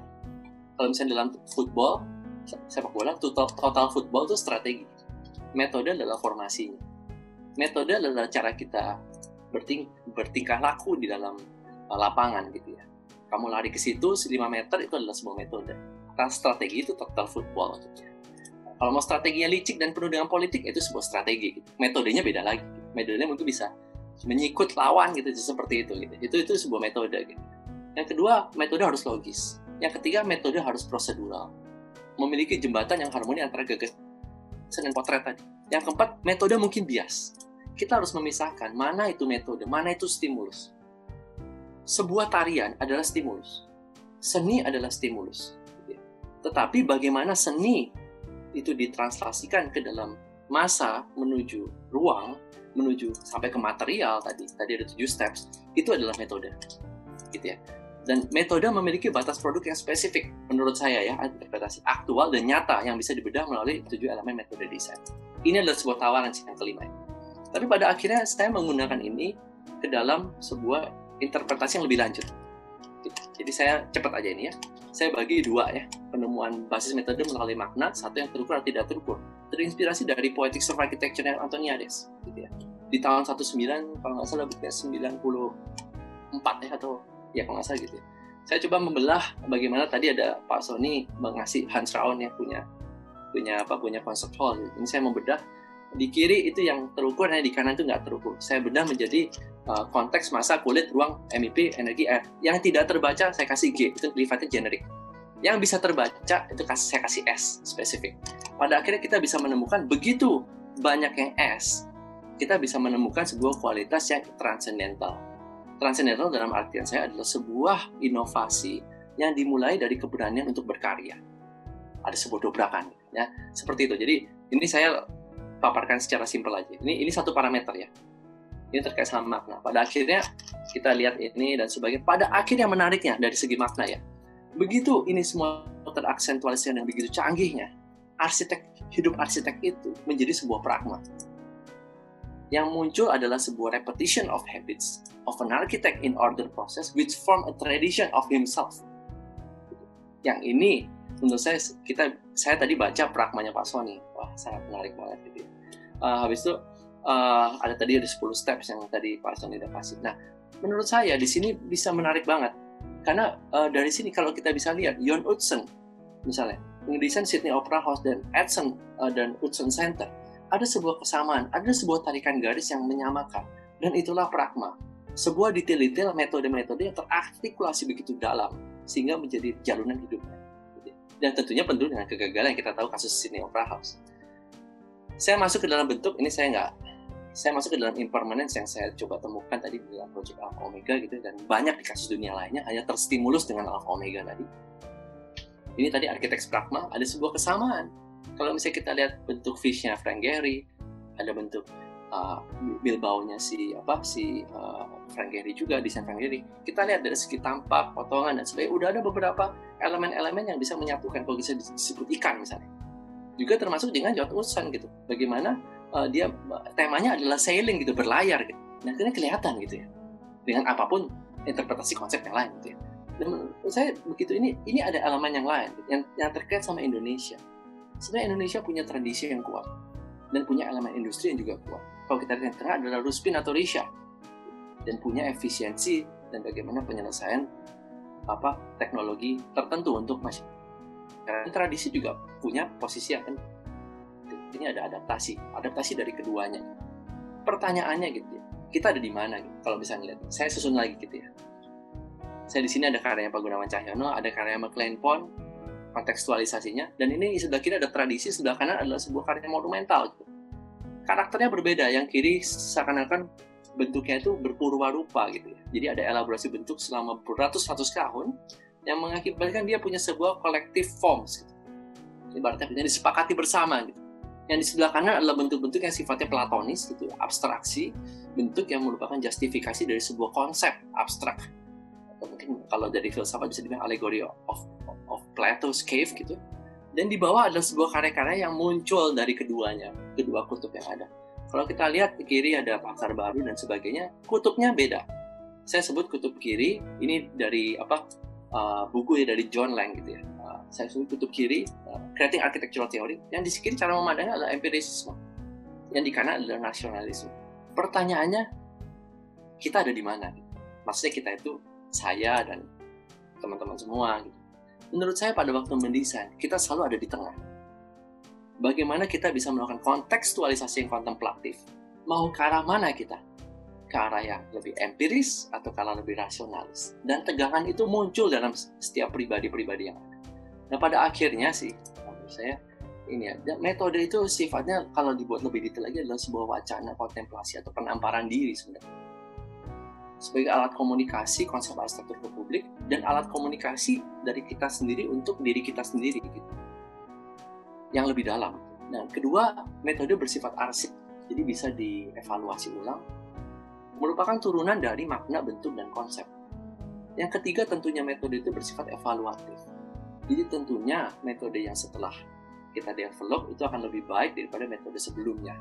Jadi dan itu digunakan untuk meningkatkan kepuasan diri di dalam berkarya dan kepuasan di dalam menikmati karya. Karena sudut pandang tadi nggak cuma sudut pandang di karya kami, tapi sudut pandang kami melihat world view di luar. Nah begitu kita semua puas, maka konstelasi arsitektur Indonesia akan penuh dengan wacana yang baru. Dan pada akhirnya kalau kita lihat ini sebuah bandul seperti ini, kalau saya lihat ini tapi ini spekulasi ya, hanya sebuah diskusi-diskusi panjang. Eh, kadang-kadang saya berdiskusi dengan uh, Jo Adianto, dengan Eh, teman-teman uh, yang lain gitu bahwa di titik uh, yang sebelah barat atau timur ini barat ini adalah sebuah filosofi gitu ya. Yang timur ini adalah saya paling kanan ini adalah sebuah metode gitu. Sebuah alam di dalam sadar atau alam kebenaran gitu alam ketentraman gitu, yang sudah Mentara bilang atau kebenaran kesal yang Plato bilang gitu. Sampai ke alam realisasi. Di tengahnya adalah sebuah tumbukan sejarah teori kritik yang kencang gitu. Bagaimana menampar kita sendiri untuk selalu bersifat filosofis tapi juga bersifat teknis gitu. Atau metodis gitu. Dan sepertinya uh, tiga buku ini yang menjadi sebuah refleksi yang sangat penting uh, bukunya Antonia Des itu bagus banget tentang 14 channels of creativity dan bukunya Rafael Monio Theoretical Anxiety itu keren banget sih. Bagaimana mendapatkan sebuah kontemplasi antara pribadi, proses, dan karya yang membahas tentang Herzog de Moro, Rem Koolhaas, Frank Gehry, Alvaro Siza, Peter Eisenman, Aldo Rossi, Venturi, and Scott Brown, dan James Stirling gitu ya bagaimana setiap orang itu ternyata menemui kegagalan masing-masing dan meneladani sendiri begitu dia berteori. Dan pada akhirnya itu pun progres. Nah pada akhirnya yang paling kanan adalah for architects yang dibikin oleh Branko Mitrovic adalah sebuah titik di mana kita itu tidak perlu takut uh, di dalam berkarya, cuma perlu untuk menemukan teman di dalam berdiskusi. Jadi seperti itu. Dan menurut saya uh, apa diskursus kali ini dengan sharing kali ini akan sangat penting untuk uh, nggak cuma untuk uh, teman-teman tapi untuk saya sendiri karena ini adalah sebuah proses kontemplasi yang tanpa batas pada akhirnya kontemplasi adalah menemukan arsitektur sendiri adalah translasi dari makna menuju konsep dan menuju bentuk dan metode itu ber, berpunya peranan penting di dalam translasi tersebut gitu. Yang pada akhirnya bisa membawa kita ke dalam alam yang lebih baik, gitu. lebih diskursif lah. Saya penuh dengan uh, apa pertanyaan dan kontemplasi yang menyehatkan pikiran sedikit. Saya pikir itu mungkin yang bisa saya sampaikan mungkin sedikit uh, spektrumnya uh, keluar ke dalam uh, masuk dan keluar tapi pertama kali ya saya sebenarnya sedikit nervous saya uh, ada presentasi ini gitu karena ada beberapa materi yang juga belum selesai gitu dan saya sendiri juga masih berproses cuma izinkan saya untuk bisa uh, kita sebut apa ya mungkin berspekulasi dan menemukan jalan uh, dan berbagi ini kepada teman-teman semua supaya bisa mungkin bisa mendapatkan manfaat juga gitu dari proses perjalanan yang masih sungguh amat panjang. Terima kasih mungkin Bu Widi atas kesempatannya. Terima kasih banyak uh, Rich. Uh, sangat uh, inspiratif ya, sangat berbeda dengan uh, apa yang disampaikan. Bukan berbeda dalam kontennya, tetapi berbeda cara penyampaiannya uh, mengenai apa itu metode yang digunakan. Uh, sebelum saya memberi kesimpulan awal, mungkin ini ada pengumuman sedikit bahwa pendaftaran yang tidak bisa diakses bersamaan dengan Zoom jadi nanti setelah Zoom selesai ada waktu untuk pendaftaran. Atau bisa juga mendaftar melalui platform media elektronik, misalnya Zoom di laptop atau daftar link di handphone. Nah, itu yang diberikan oleh panitia. Baik, uh, sebelum kita masuk ke tanya jawab, silahkan juga dituliskan dalam chat. Uh, saya ingin memberi sedikit uh, bukan reminder tetapi kesimpulan awal bahwa uh, menurut uh, metode yang disampaikan oleh Pak Sony dalam proses merancang adalah yang pertama selalu keterbangunan atau uh, selalu ada yang general dan spesifik.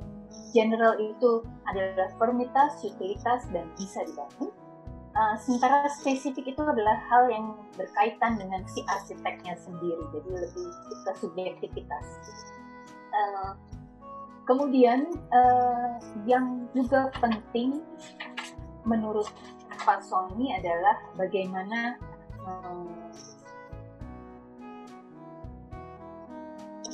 kadang-kadang dalam uh, merancang ada 10 yang diikuti, tetapi yang uh, menarik di sini adalah uh, Pak Sony selalu membuat uh, sequence dalam ruang, selalu meletakkan uh, ruang bukan masa sehingga ruang-ruang yang terjadi itu selalu dialami uh, dengan uh, sesuai dengan pandangan mata manusia yang melibatkan juga skala dan proporsi dan selalu diperlihatkan melalui lapisan-lapisan ruang dan di dalamnya muncul uh, konflik-konflik atau ketegangan yang saling berbenturan sehingga Pak Sony menyebutnya sebagai uh, dirinya sebagai arsitektur buah jeruk. Uh, jadi uh, itu yang diungkapkan oleh Mas Sony. Sementara kalau uh, Mas Real Rich ini, Kak Rich ini kayaknya juga uh, arsitek buah jeruk nih.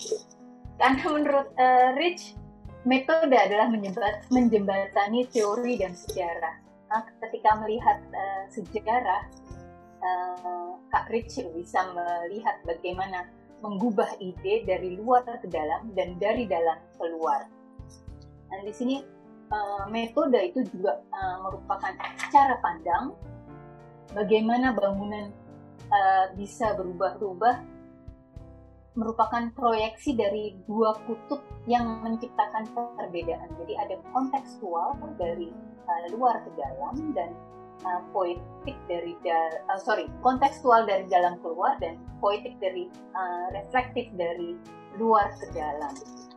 Uh, di sini dalam merancang uh, RAW menggunakan uh, menentukan dulu parameter-parameternya ada tujuh yaitu konteks masa kulit ruang sistem map energi air dan material sehingga muncul uh, untuk menentukan fleksibilitas program.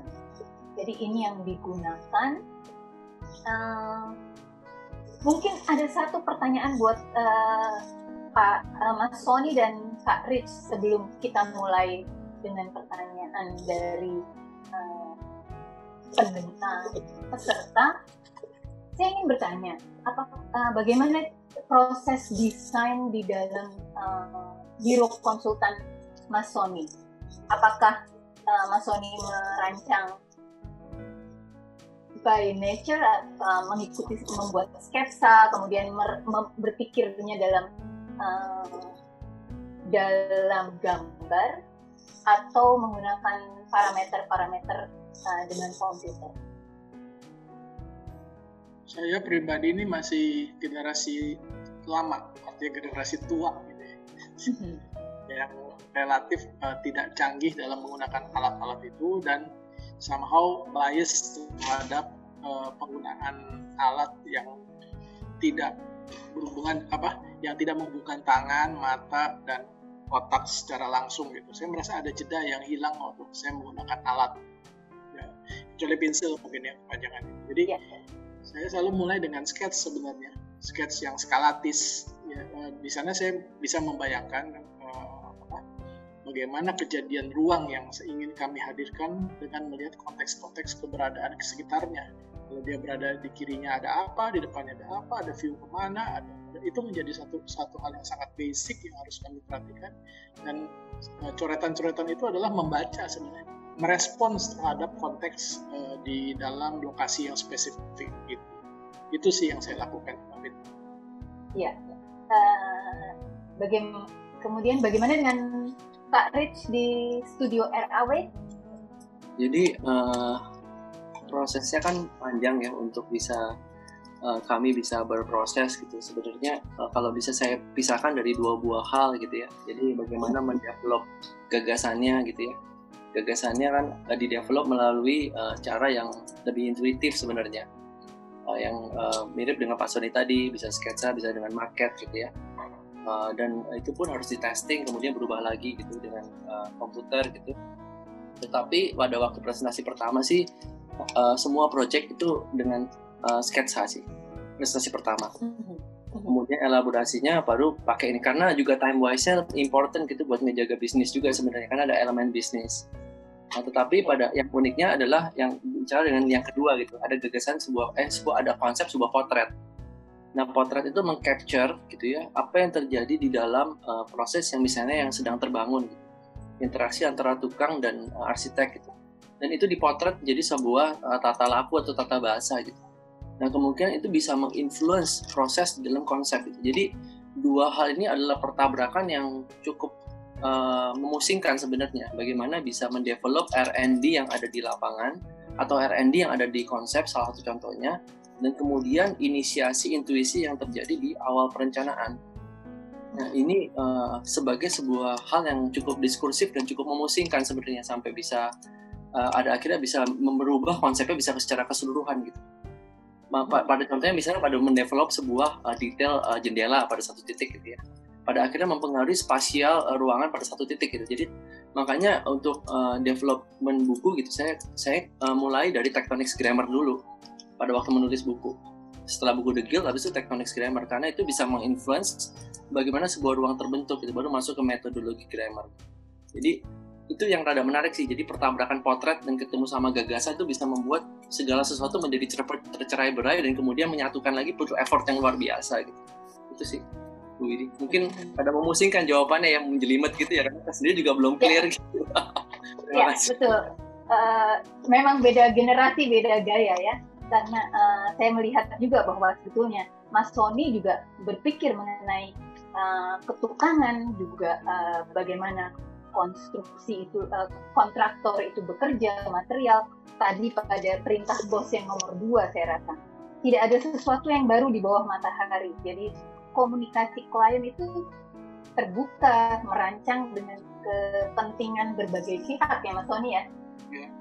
jadi masuk juga sebetulnya tetapi dalam bahasa yang berbeda ini akan sangat menarik uh, kita akan coba mungkin akan lebih di bisa dilihat lagi ketika uh, dalam diskusi ya. Uh, ada beberapa pertanyaan yang sudah diajukan. Yang pertama untuk Mas Sony dari uh, Amabel Nikitalia. Uh, selamat sore Pak Sony, saya ingin bertanya. Tipologi blok bangunan ruko dari sejak zaman dulu sampai sekarang tetap tidak memiliki ruang luar terbuka, yaitu private semi publik atau komunal. Apa tanggapan Pak Sony tentang pandangan ini, khususnya pada bangunan ruko yang memang ditempati keluarga pemiliknya? Ruko itu menurut saya tipologi yang paling kacau di dalam sebuah kota, tapi tipologi yang selalu muncul dalam pengembang perkembangan kota munculnya itu pertama. Ya. Dan sekali dia muncul sangat susah untuk merubahnya. Di, kita lihat di kota tua sebenarnya itu adalah ruko. Ruko dengan segala macam bentuknya lah kota tua di mana pun awalnya adalah ruko dua lantai, tiga lantai ada hunian di atasnya, bawahnya dipakai untuk berdagang. Kan? Perkembangannya kemudian adalah bahwa ruko ini menjadi alat komoditi jual beli lebih daripada alat fungsional apa uh, proyek, uh, apa sebuah produk uh, uh, fungsional. Uh, semua proyek yang eh, semua kompleks ruko di mana pun rata-rata lantai pertamanya hidup lantai keduanya nggak jelas lantai ketiga mungkin dipakai untuk uh, apa kegiatan. Saya pernah beberapa kali mengusulkan untuk merubah melihat cara melihat proyek ruko itu secara fungsional. Artinya begini, kalau memang yang lantai satu doang yang bisa disewakan, lantai dua diberikan pada orang lain atau disewakan oleh orang lain. Lantai tiga jika tidak dipakai oleh si pemilik lantai dua, silakan disewa orang lain. Sehingga artinya apa? Aksesnya itu harus berbeda. Akses ke lantai satu itu enggak, enggak ya sudah ke lantai satu. Ke lantai dua enggak boleh lewat lantai satu. Kan sekarang ruko tipikal tuh kita masuk restoran kayak warung atau apa di belakang tangga naik ke lantai dua atau kos-kosan lantai dua dari lantai dua naik ke lantai tiga. Kenapa nggak tangga itu dipisah keluar gitu? Ternyata sangat sulit meyakinkan uh, developer ataupun pembuat ruko untuk berani membongkar paradigma ini gitu. saya uh, mungkin ada empat kali lakukan ini dan empat empatnya gagal. Gagal untuk hmm. dieksekusi.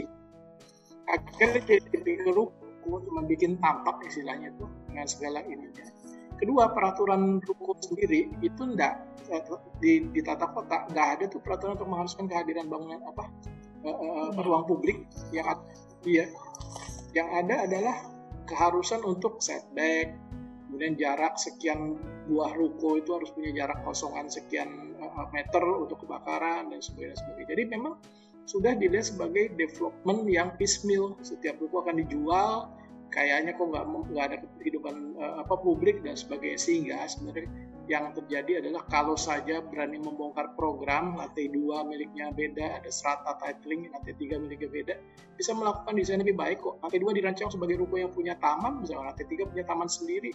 Ya, rumahnya Ando sendiri yang pertama kali itu kan juga begitu cuma lebar 3 meter. Bisa kok dilakukan hmm. seperti itu. Tapi rasanya di kita ini nggak terjadi hal seperti itu sekarang dengan adanya COVID, mungkin orang akan mulai memanfaatkan rooftop dari ruko untuk kegiatan sosial eh, apa semi sosial lah, kumpulan keluarga dan sebagainya bagi mereka yang tinggal di ruko. Tapi yang tinggal di ruko juga sudah sedikit kok.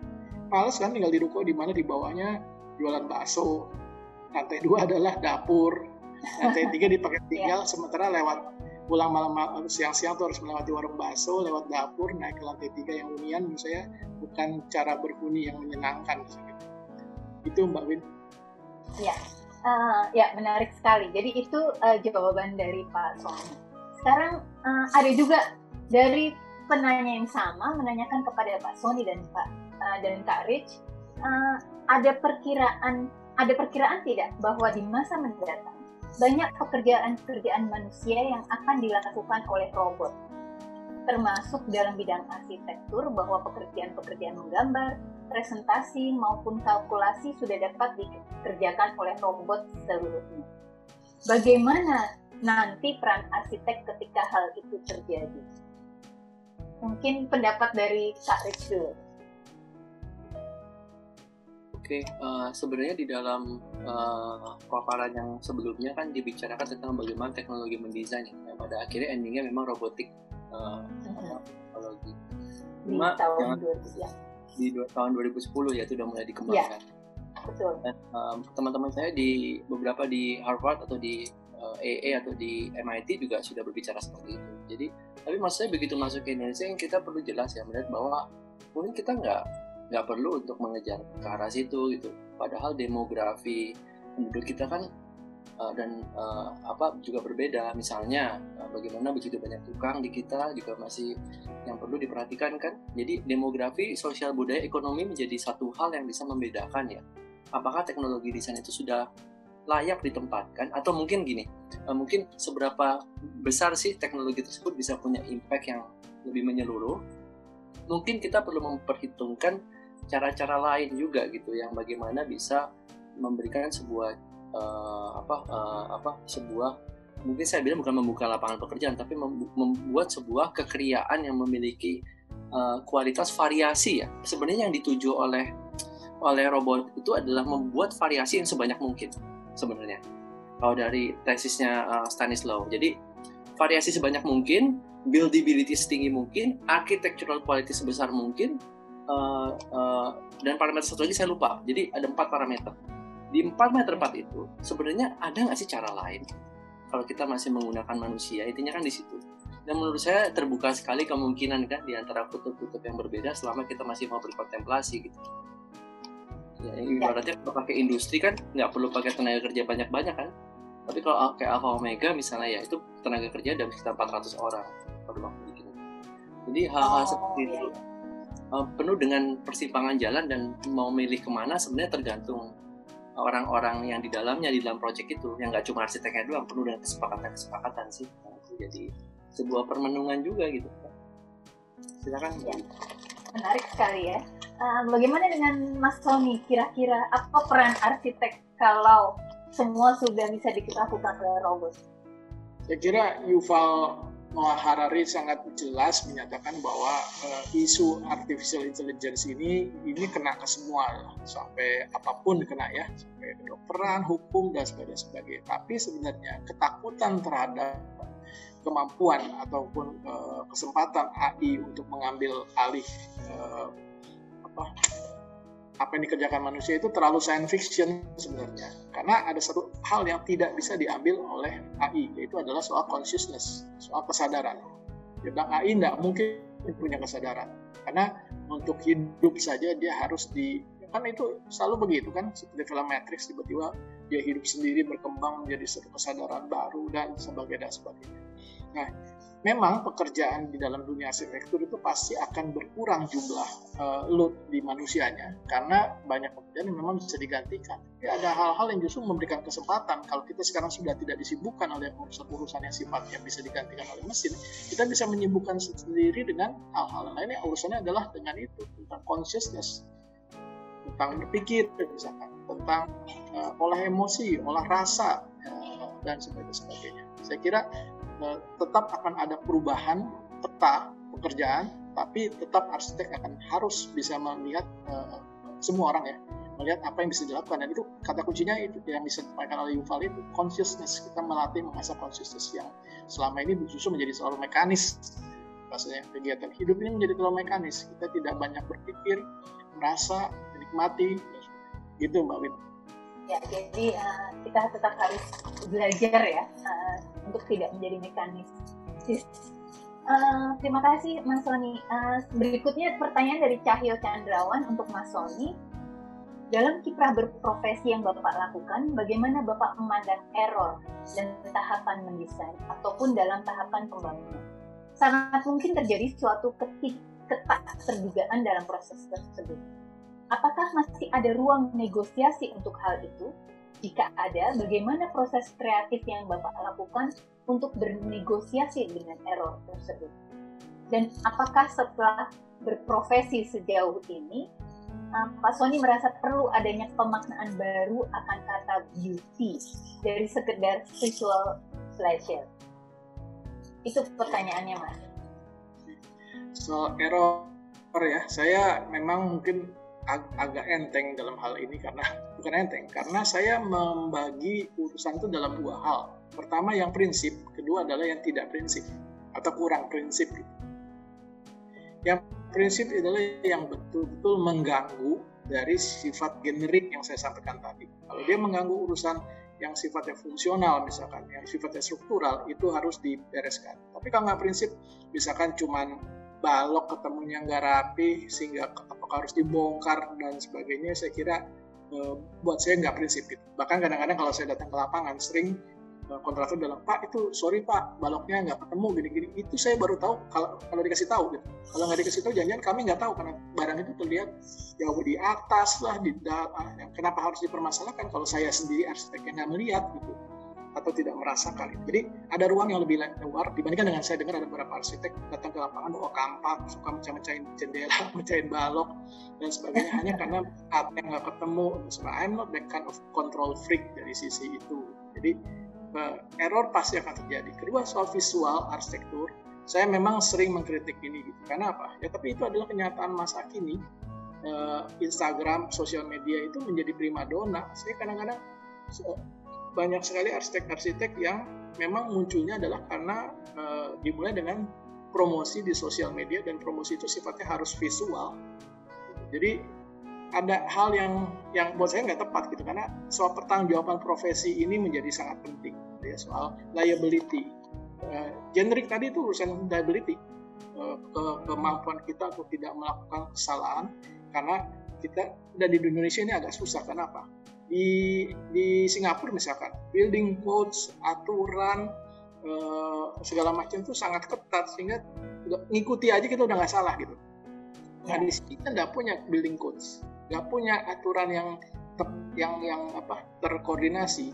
Permen bisa beda dengan perda bisa beda dengan pergub bisa beda dengan segala macam lah nggak ngerti lah. Nah, nah itu gimana isu liability itu? Jadi uh, ya artinya siap-siap saja kita harus gimana tuh melihatnya? Kalau cuma arsitek yang cuma mengandalkan gambar terus kemudian tanggung jawabnya terhadap masyarakat. Kita ingat loh kita sudah punya undang-undang arsitek. Itu itu menjadi payung dan juga menjadi tanggung jawab kita bersama yang tidak mudah ke depannya. Tapi harus kita penuhi dan itu adalah tanggung jawab kita ke stakeholders kita. Itu Mbak Wim. Ya ini ada satu sedikit yang berkaitan dengan tadi uh, mungkin. Uh, kalau kontras yang diperlihatkan Pak Sony tadi sampai mana batasannya uh, akan mengganggu sebuah ruang? Apakah dibatasi oleh fungsionalitas, komposisi, atau justru Mas Sony nggak punya batasan nih? Kalau mau bikin kontras itu ya suka-suka gimana? Ini pertanyaan dari uh, Fir Tatale. Ya. Kalau saya pribadi meletakkan kontras itu, mengontrol kontras itu adalah di tempatnya. Dia boleh ada di mana? Itu aja di sini boleh ada kontras, di sana jangan kontras. Jangan semuanya kontras. Saya sudah pernah mencoba juga, iseng, mencoba limit saya sendiri. Semua itu saya bikin sangat kontrasting satu dengan lainnya. Gitu. Akhirnya ya seperti membuat itu tuh uh, apa uh, baju dari kain perca yang segala macam dimasukkan. Nah, itu, itu menjadi indah atau menjadi baju gelandangan kan itu susah kan.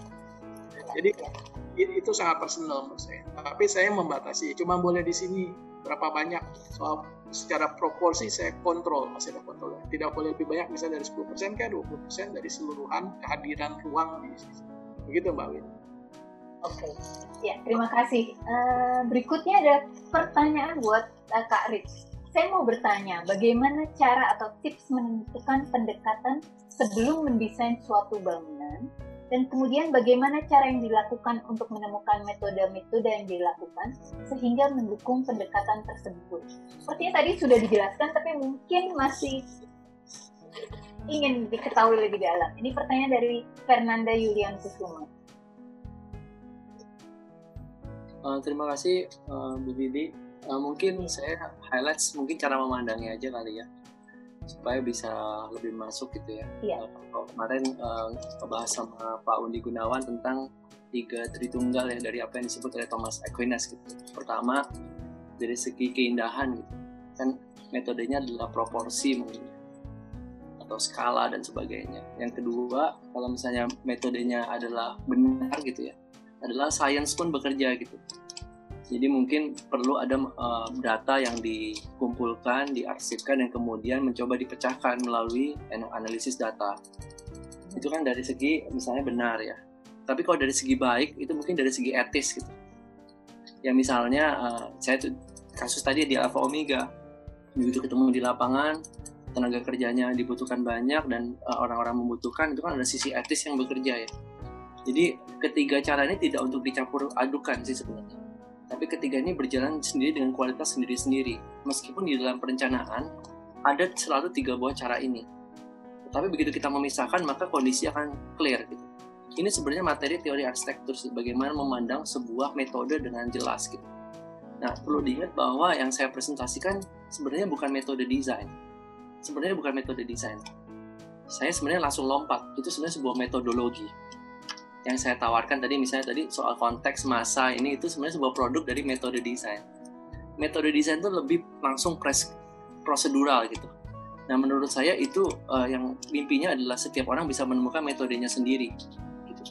Salah satunya metode desain, salah satunya misalnya Ren Kulhas bikin cross programming, itu metode desain. Bagaimana situasi aktif tidak terjadi di ground floor aja, tapi di, bisa direplikasi ke hampir seluruh densitas yang ada di dalam sebuah high rise. Itu cross programming namanya metodenya. Nah, tapi kalau saya tadi saya nggak masuk ke arah situ, jadi masuk ke arah yang lebih general lagi sebenarnya. Rajutan metode-metode untuk setiap orang bisa punya kelompok-kelompok untuk bisa mengenhance metodenya sendiri dengan tujuh parameter tadi. Gitu sih. Jadi, jadi sebetulnya dalam merancang uh, uh, punya cara-cara tersendiri bagaimana meramu tujuh metode tadi ya. Benar, nah itu yang paling penting. Parameter, sebenarnya. ya tadi ya tujuh parameter itu ya. Tetapi yes. tujuh parameter itu yang selalu digunakan. Benar. Tapi beda-beda, nah, beda-beda penekanannya. Yes baik uh, mungkin itu jawabannya sekarang ada pertanyaan dari uh, uh, Mas Andre Kusnal setiap arsitek memiliki pendekatan yang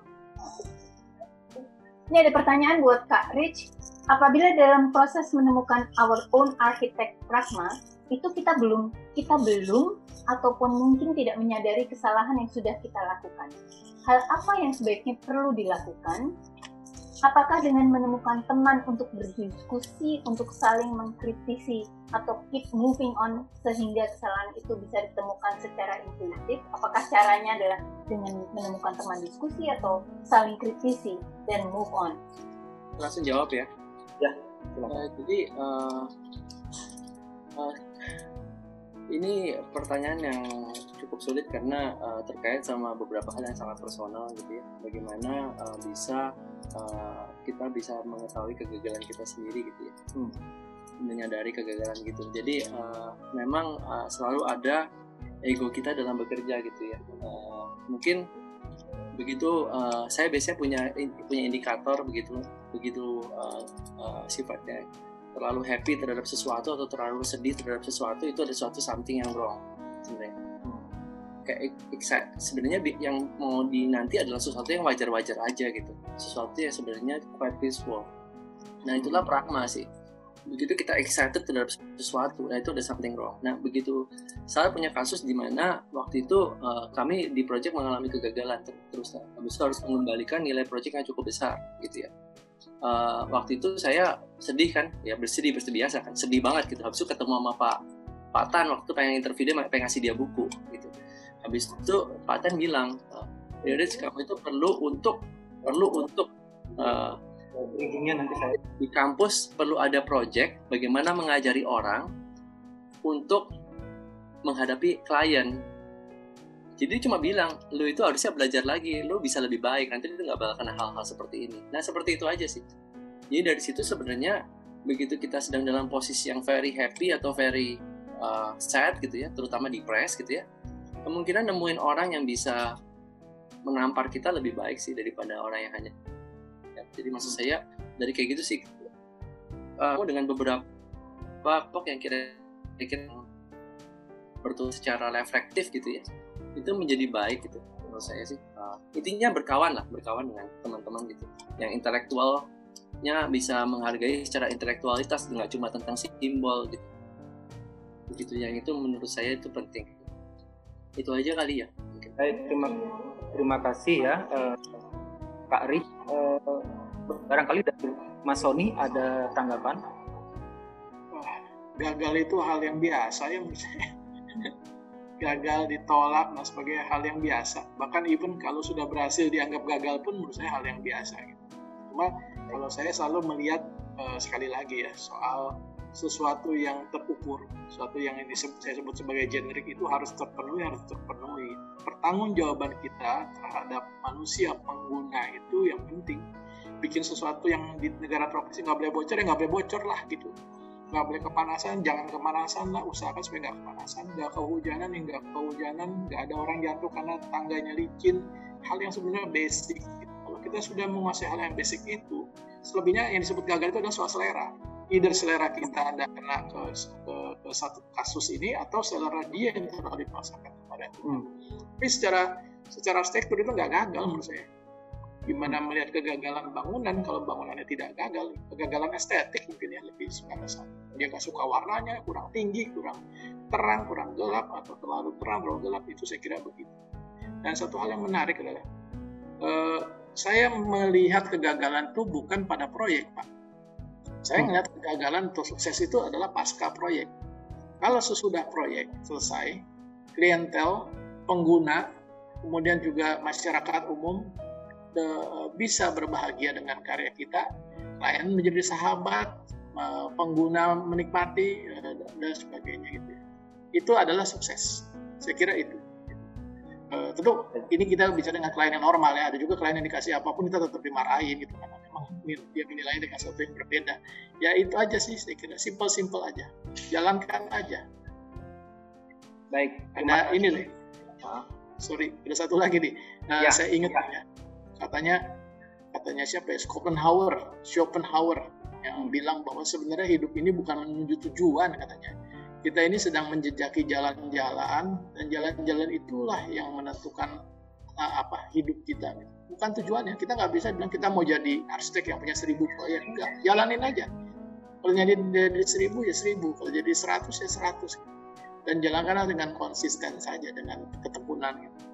ya, itu Pak terima kasih nah, terima kasih uh, Kak Rich dan Mas Sony ya uh, memang ya. baik paparan maupun diskusinya kalau menurut kalau saya lihat-lihat uh, di Corbusier itu isinya cutting semua. Mudah-mudahan uh, namanya partisipan ini banyak yang uh, apa ya melihat diskusi ini membawa sesuatu yang bisa dibawa pulang gitu baik untuk uh, praktek maupun maupun di uh, di antara partisipan mungkin ada yang mahasiswa. Baik karena uh, Bu Widi sudah join lagi. Ya. Oke, okay. maaf ya. Uh, terima kasih. Jadi tadi pertanyaan yang apakah ada error sudah dijawab ya. Nah, sekarang saya, uh, ada pertanyaan buat Mas Sony. Saya mau tanya tentang blocking ruang yang menjadi awal dan utama. Berarti dalam prosesnya setelah berkutat di blocking ruang, kemudian masuk ke blocking masa, atau ada proses yang berjalan bersamaan atau bolak-balik di antara keduanya? Ini pertanyaan dari Nizar Firdaus. Yeah. Gimana Mas Sony? Yeah. Memblok ruang itu adalah dengan masa. Jadi nggak mungkin bisa terjadi blocking ruang itu tanpa ada masa. Jadi uh, desain itu sebenarnya adalah sebuah tindakan yang seperti seperti musik gitu. Semuanya ada di situ, ada ritme, ada bass, ada high pitch, ada segala macam lah yang masuk menjadi satu. Nah, mastery itu, mastery itu adalah kalau kita sudah sanggup mengontrol semuanya dan tiba-tiba menghadirkannya dalam satu piring yang gini loh. Kalau masak masak capcay itu kan 10 macam capcay itu ada 10 macam sayuran ya Gak mungkin kita masak kolnya dulu, terus masak ininya dulu, apa wortelnya, masak dagingnya dan seperti itu. So, kemampuannya adalah memasukkan itu semua dalam dan menjadikan dalam satu piring hangat yang enak. Gitu. Jadi uh, uh, apa pembagian-pembagian langkah yang dilakukan oleh di kampus itu bikin dulu analisa, Habis analisa bikinlah segala apa dan sebagainya itu adalah usaha untuk mengenalkan pada item-item supaya mahasiswa kenal dulu kalau sudah masuk jajan nggak usah analisa bisa langsung masuk ke karya. Saya kira bisa begitu. Ya, makasih Mbak Win. Jadi menurut ya, jadi menurut pengalaman Mas Tony kalau uh, sudah master itu semua udah udah otomatis ya. Iya, iya. Uh, ya, uh, menarik sekali. Selamat sore Mas Rich. Uh, architecture should be a verb. Ini menurut Yohani Palasmo.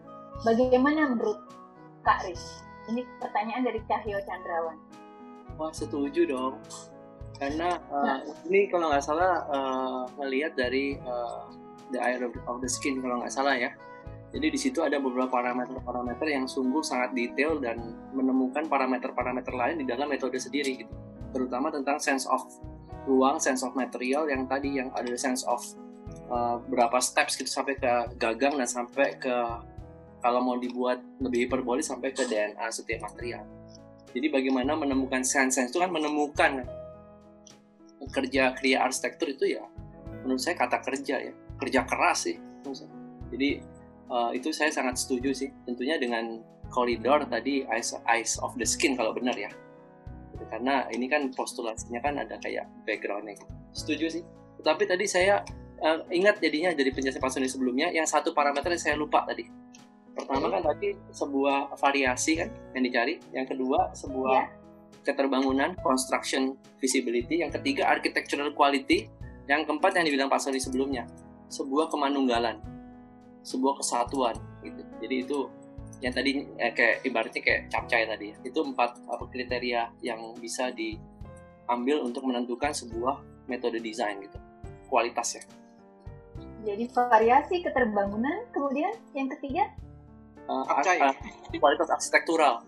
Oh, kualitas dan arsitektur uh, manual. Kualitas okay. arsitektural. Kualitas arsitektur yeah. quality. Yang keempat itu yeah. kesatuan. Baru manual. manual. Ya, kemanunggalan. Oke. Okay. Demikian jawab jawaban uh, capcay yang sore ini kita masak.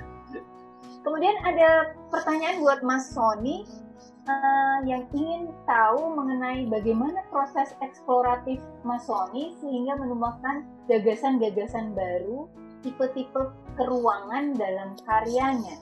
Karena kan tadi katanya sudah ada uh, tipologi dan sudah ada uh, ketentuan yang universal. Bagaimana kemudian uh, yang spesifik yang di, atau subjektivitas Masoni di dalam menggagas? Sebenarnya kalau yang saya maksud dengan spesifik itu adalah program programming.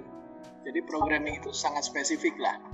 Ya sebuah mobil harus punya roda 4, punya chassis 500 ton, misalkan apa itu sangat spesifik gitu.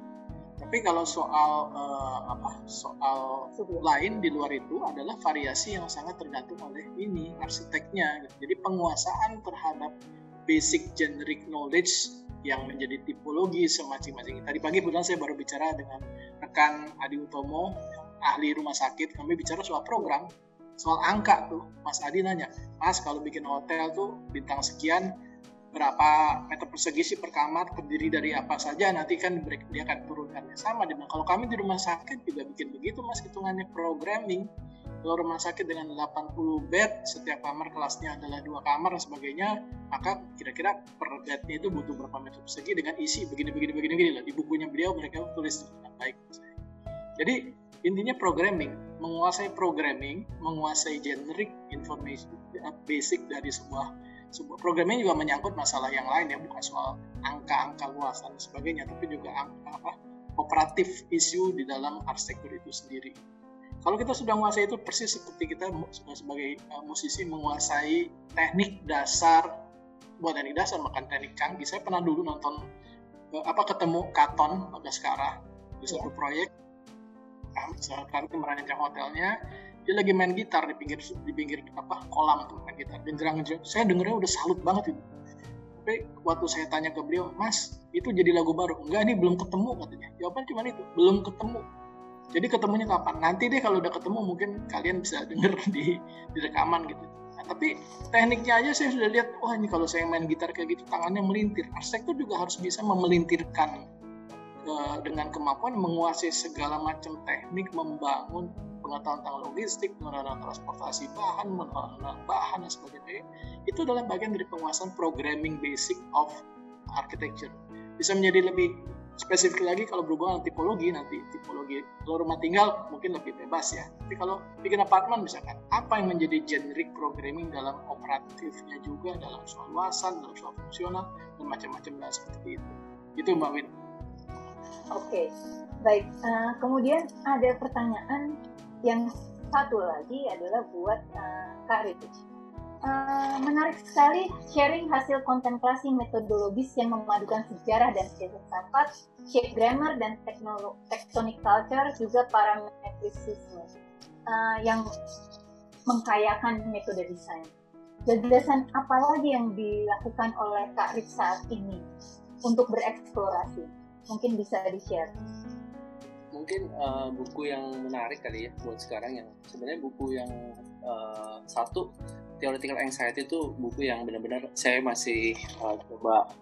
Karena ada beberapa lompatan uh, dari segi uh, teknik metode desain ya.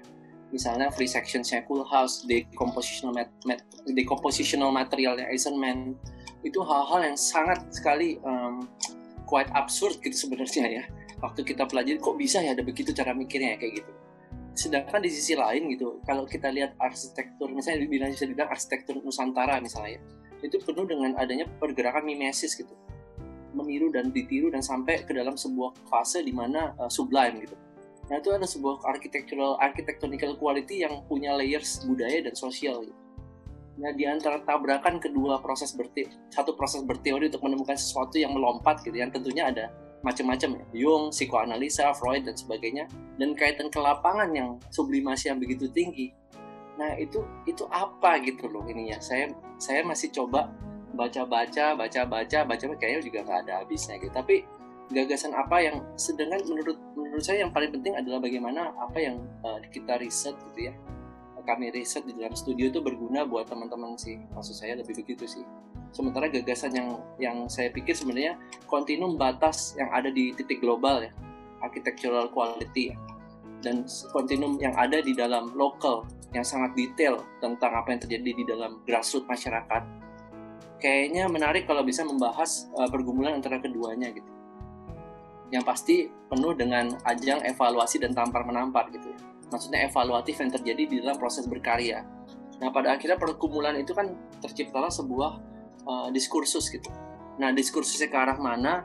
Saya nggak tahu sekarang karena tergantung dengan kalau di dalam kerja studio tergantung dengan parameter klien juga seberapa mungkin kita bisa mengkondisikan klien tersebut untuk bisa mengikuti uh, cara pandang kita. Tapi itu sebuah proses yang sangat memuaskan hati sih yang yang bisa di share gitu. Tapi ya bukan endingnya kan yang penting ya, tapi kan gimana kita melihat tuh how we see the things itu sih yang lucu ya terima kasih uh, jadi itu yang sedang dilakukan oleh Mas Rich ya uh, kemudian uh, ini mungkin pertanyaan penutup uh, uh, ingin menanyakan bagaimana Mas Sony dan Kak Rich mempertahankan konsistensi dan memiliki energi berarsitektur yang terus menggebu-gebu sampai selama ini.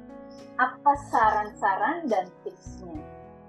Dan uh, juga bagaimana pengalaman uh, Mas Tony juga uh, Kak Rich setelah bekerja dengan uh, bekerja di luar negeri, juga sekolah, apa harapan dan impian buat arsitek Indonesia di masa depan? Mungkin dari Mas Tony dulu. Oh. Soal menggubu-gubu, uh, ya. tahu ya mungkin karena memang kepepet apa bisanya cuma ini aku nggak ngerti saya juga tuh ya, yang jelas memang harus ada ketertarikan. Katanya kalau kerja tuh yang penting pertama kali adalah passion. Jadi peliharalah itu uh, terhadap ini. Yang susah adalah mahasiswa-mahasiswi kita pasti belum belum sampai bisa mengerti bukan mengerti ya uh, apa sih bisa bisa kena gitu dengan istilah passion itu. Orang sekolah juga susah kok kewajibannya banyak urusannya banyak dosennya galak-galak. Bagaimana membangkitkan passion gitu? Itu memang susah salah, salah satu yang paling menurut saya bisa membangkitkan passion adalah coba bekerja sedikit ya. Lihat karyanya dibangun.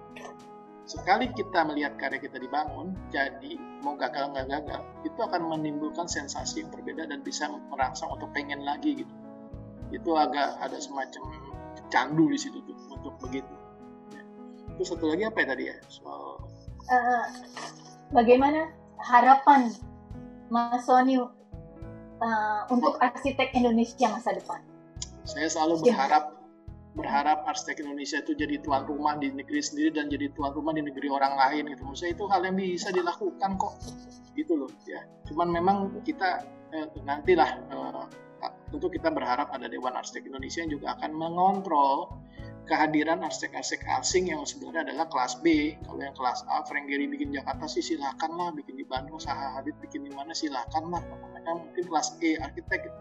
Tapi nggak jelas nggak jelas itu harusnya bukan nggak jelas jelek ya ada beberapa yang kelas B-nya arsitektur itu sebaiknya harus ada semacam uh, batasan gitu apakah dari sisi pajaknya lah apa dari sisi persentase keterlibatannya sehingga arsitek kita punya keterlibatan lebih besar di situ dan sekarang Indonesia Anda baca aja 10 best arsitek yang pilihannya BCI itu, itu bagus-bagus kok karyanya. Bagus-bagus dan punya sumbang bagus dalam arti bukan sekedar tampilan ya tapi sumbangannya terhadap kota uh, visinya itu banyak yang yang mereka sumbangkan terhadap itu. Dan saya optimis bahwa gini loh kemarin ada satu pembicaraan dengan salah satu asosiasi pengusaha besar di Indonesia yang mendampingi yang selalu ketemu dengan Pak Jokowi ya ketemu dengan Kadin dia bilang ada tiga negara yang akan survive kalau sampai Cina perang dengan Amerika. Satu adalah India kedua adalah Cina ketiga adalah Indonesia. Kenapa? Kita ini nggak usah ngapa-ngapain jumlah penduduk sekarang berapa sih? 250 juta atau 300 juta ya? Itu sudah mencukupi konsumsi. kita sudah punya semua mau dari minyak dari apa pun energi kepulauan atau mau hiburan gak usah keluar negeri. Di Indonesia muter-muternya nggak habis-habisnya selama panjang apa ayat masih di badan gitu jadi itu menurut dia gitu kan. Uh, survival level kita akan menjadi akan sangat tinggi di dunia ini sendiri. Belum lagi kita dikelilingi oleh laut ada bla bla bla lah mas. Jadi optimis aja optimis aja. Terjadi atau nggak terjadi ya kita nggak tahu ya. Kita berharap artinya kita harus berusaha. Terima kasih mbak Win. Ya jadi uh, terus berkarya dan uh, kita harus menjadi uh, arsitek di uh, di negara sendiri dan di negara orang lain ya mas Sony ya iya, bagaimana dong. dengan karir Oke, uh, saya mungkin balikan ke presentasi dari uh, saya pertama kali ya. Begitu kita mulai dari mulai dari filosofi kan, apa yang sedang kita cari gitu. Apakah uh, sebuah ketentraman atau cuma kebenaran dan kesalahan itu satu. Yang kedua mulai dengan sejarah interpretasi yang tidak ada pretensinya gitu. Jadi mulai banyak sejarawan-sejarawan yang ada itu harapannya sih. Itu teori cara memandang itu harus beragam gitu.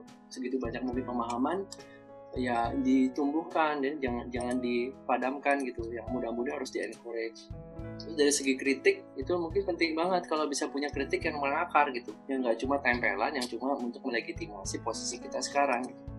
yang terakhir adalah metode sendiri sebagai sebuah bridging Nah sebenarnya bisa dibuat uh, di dalam uh, tiga buah cara menurut menurut bukunya Benedict Anderson atau Imagine Community. Yang pertama adalah uh, apa gali dulu uh, apa namanya uh, apa datanya. Gali dulu datanya. Jadi kumpulkan data sebanyak mungkin. Yang kedua engineeringkan datanya. Yang ketiga arsipkan kembali datanya. Jadi arsip engineering arsip. Jadi dari situ kan evaluasi akan terjadi untuk uh, filosofi sejarah teori kritik dan metode. Dan pada akhirnya itu filo, apa filosofi sejarah teori dan metode itu terjadi dalam diri masing-masing sih. Saya percaya dalam setiap arsitek ada. Gitu. Jadi uh, dari situlah mungkin kita bisa menjalani praktek ini dengan lebih tentram. Karena tahu batas-batas diri posisi masing-masing. Dengan tidak perlu untuk masih apa merasa unggul satu sama lain gitu. Ya semuanya udah jagoan lah maksud saya. Semuanya juga udah punya praktek sendiri-sendiri punya rasa sendiri sendiri-sendiri ayo maju sendiri-sendiri dengan ya, yang penting adalah etisnya kan di sudah diatur di dalam IAI saya pikir gitu. Terima kasih atas kesempatan. ya, dan uh, pesan untuk uh, arsitek masa depan?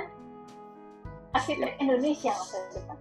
Yang muda-muda ya uh, uh, yang ini uh, yang muda-muda ataupun yang yang berjiwa muda ataupun semua orang semua kalangan kita semua sedang mencari teman gitu jadi mari berkawan dengan baik dan secara kolegial yang sehat dan mulai saling mendukung mengencourage satu sama lain. Dengan begitu budaya yang sehat akan muncul. Yang merajut ya kalau saya bilang mengkritik bukan mengkritik kritik tapi kan suka di dilekin gitu ya tapi dikritik yeah. di stitch ya.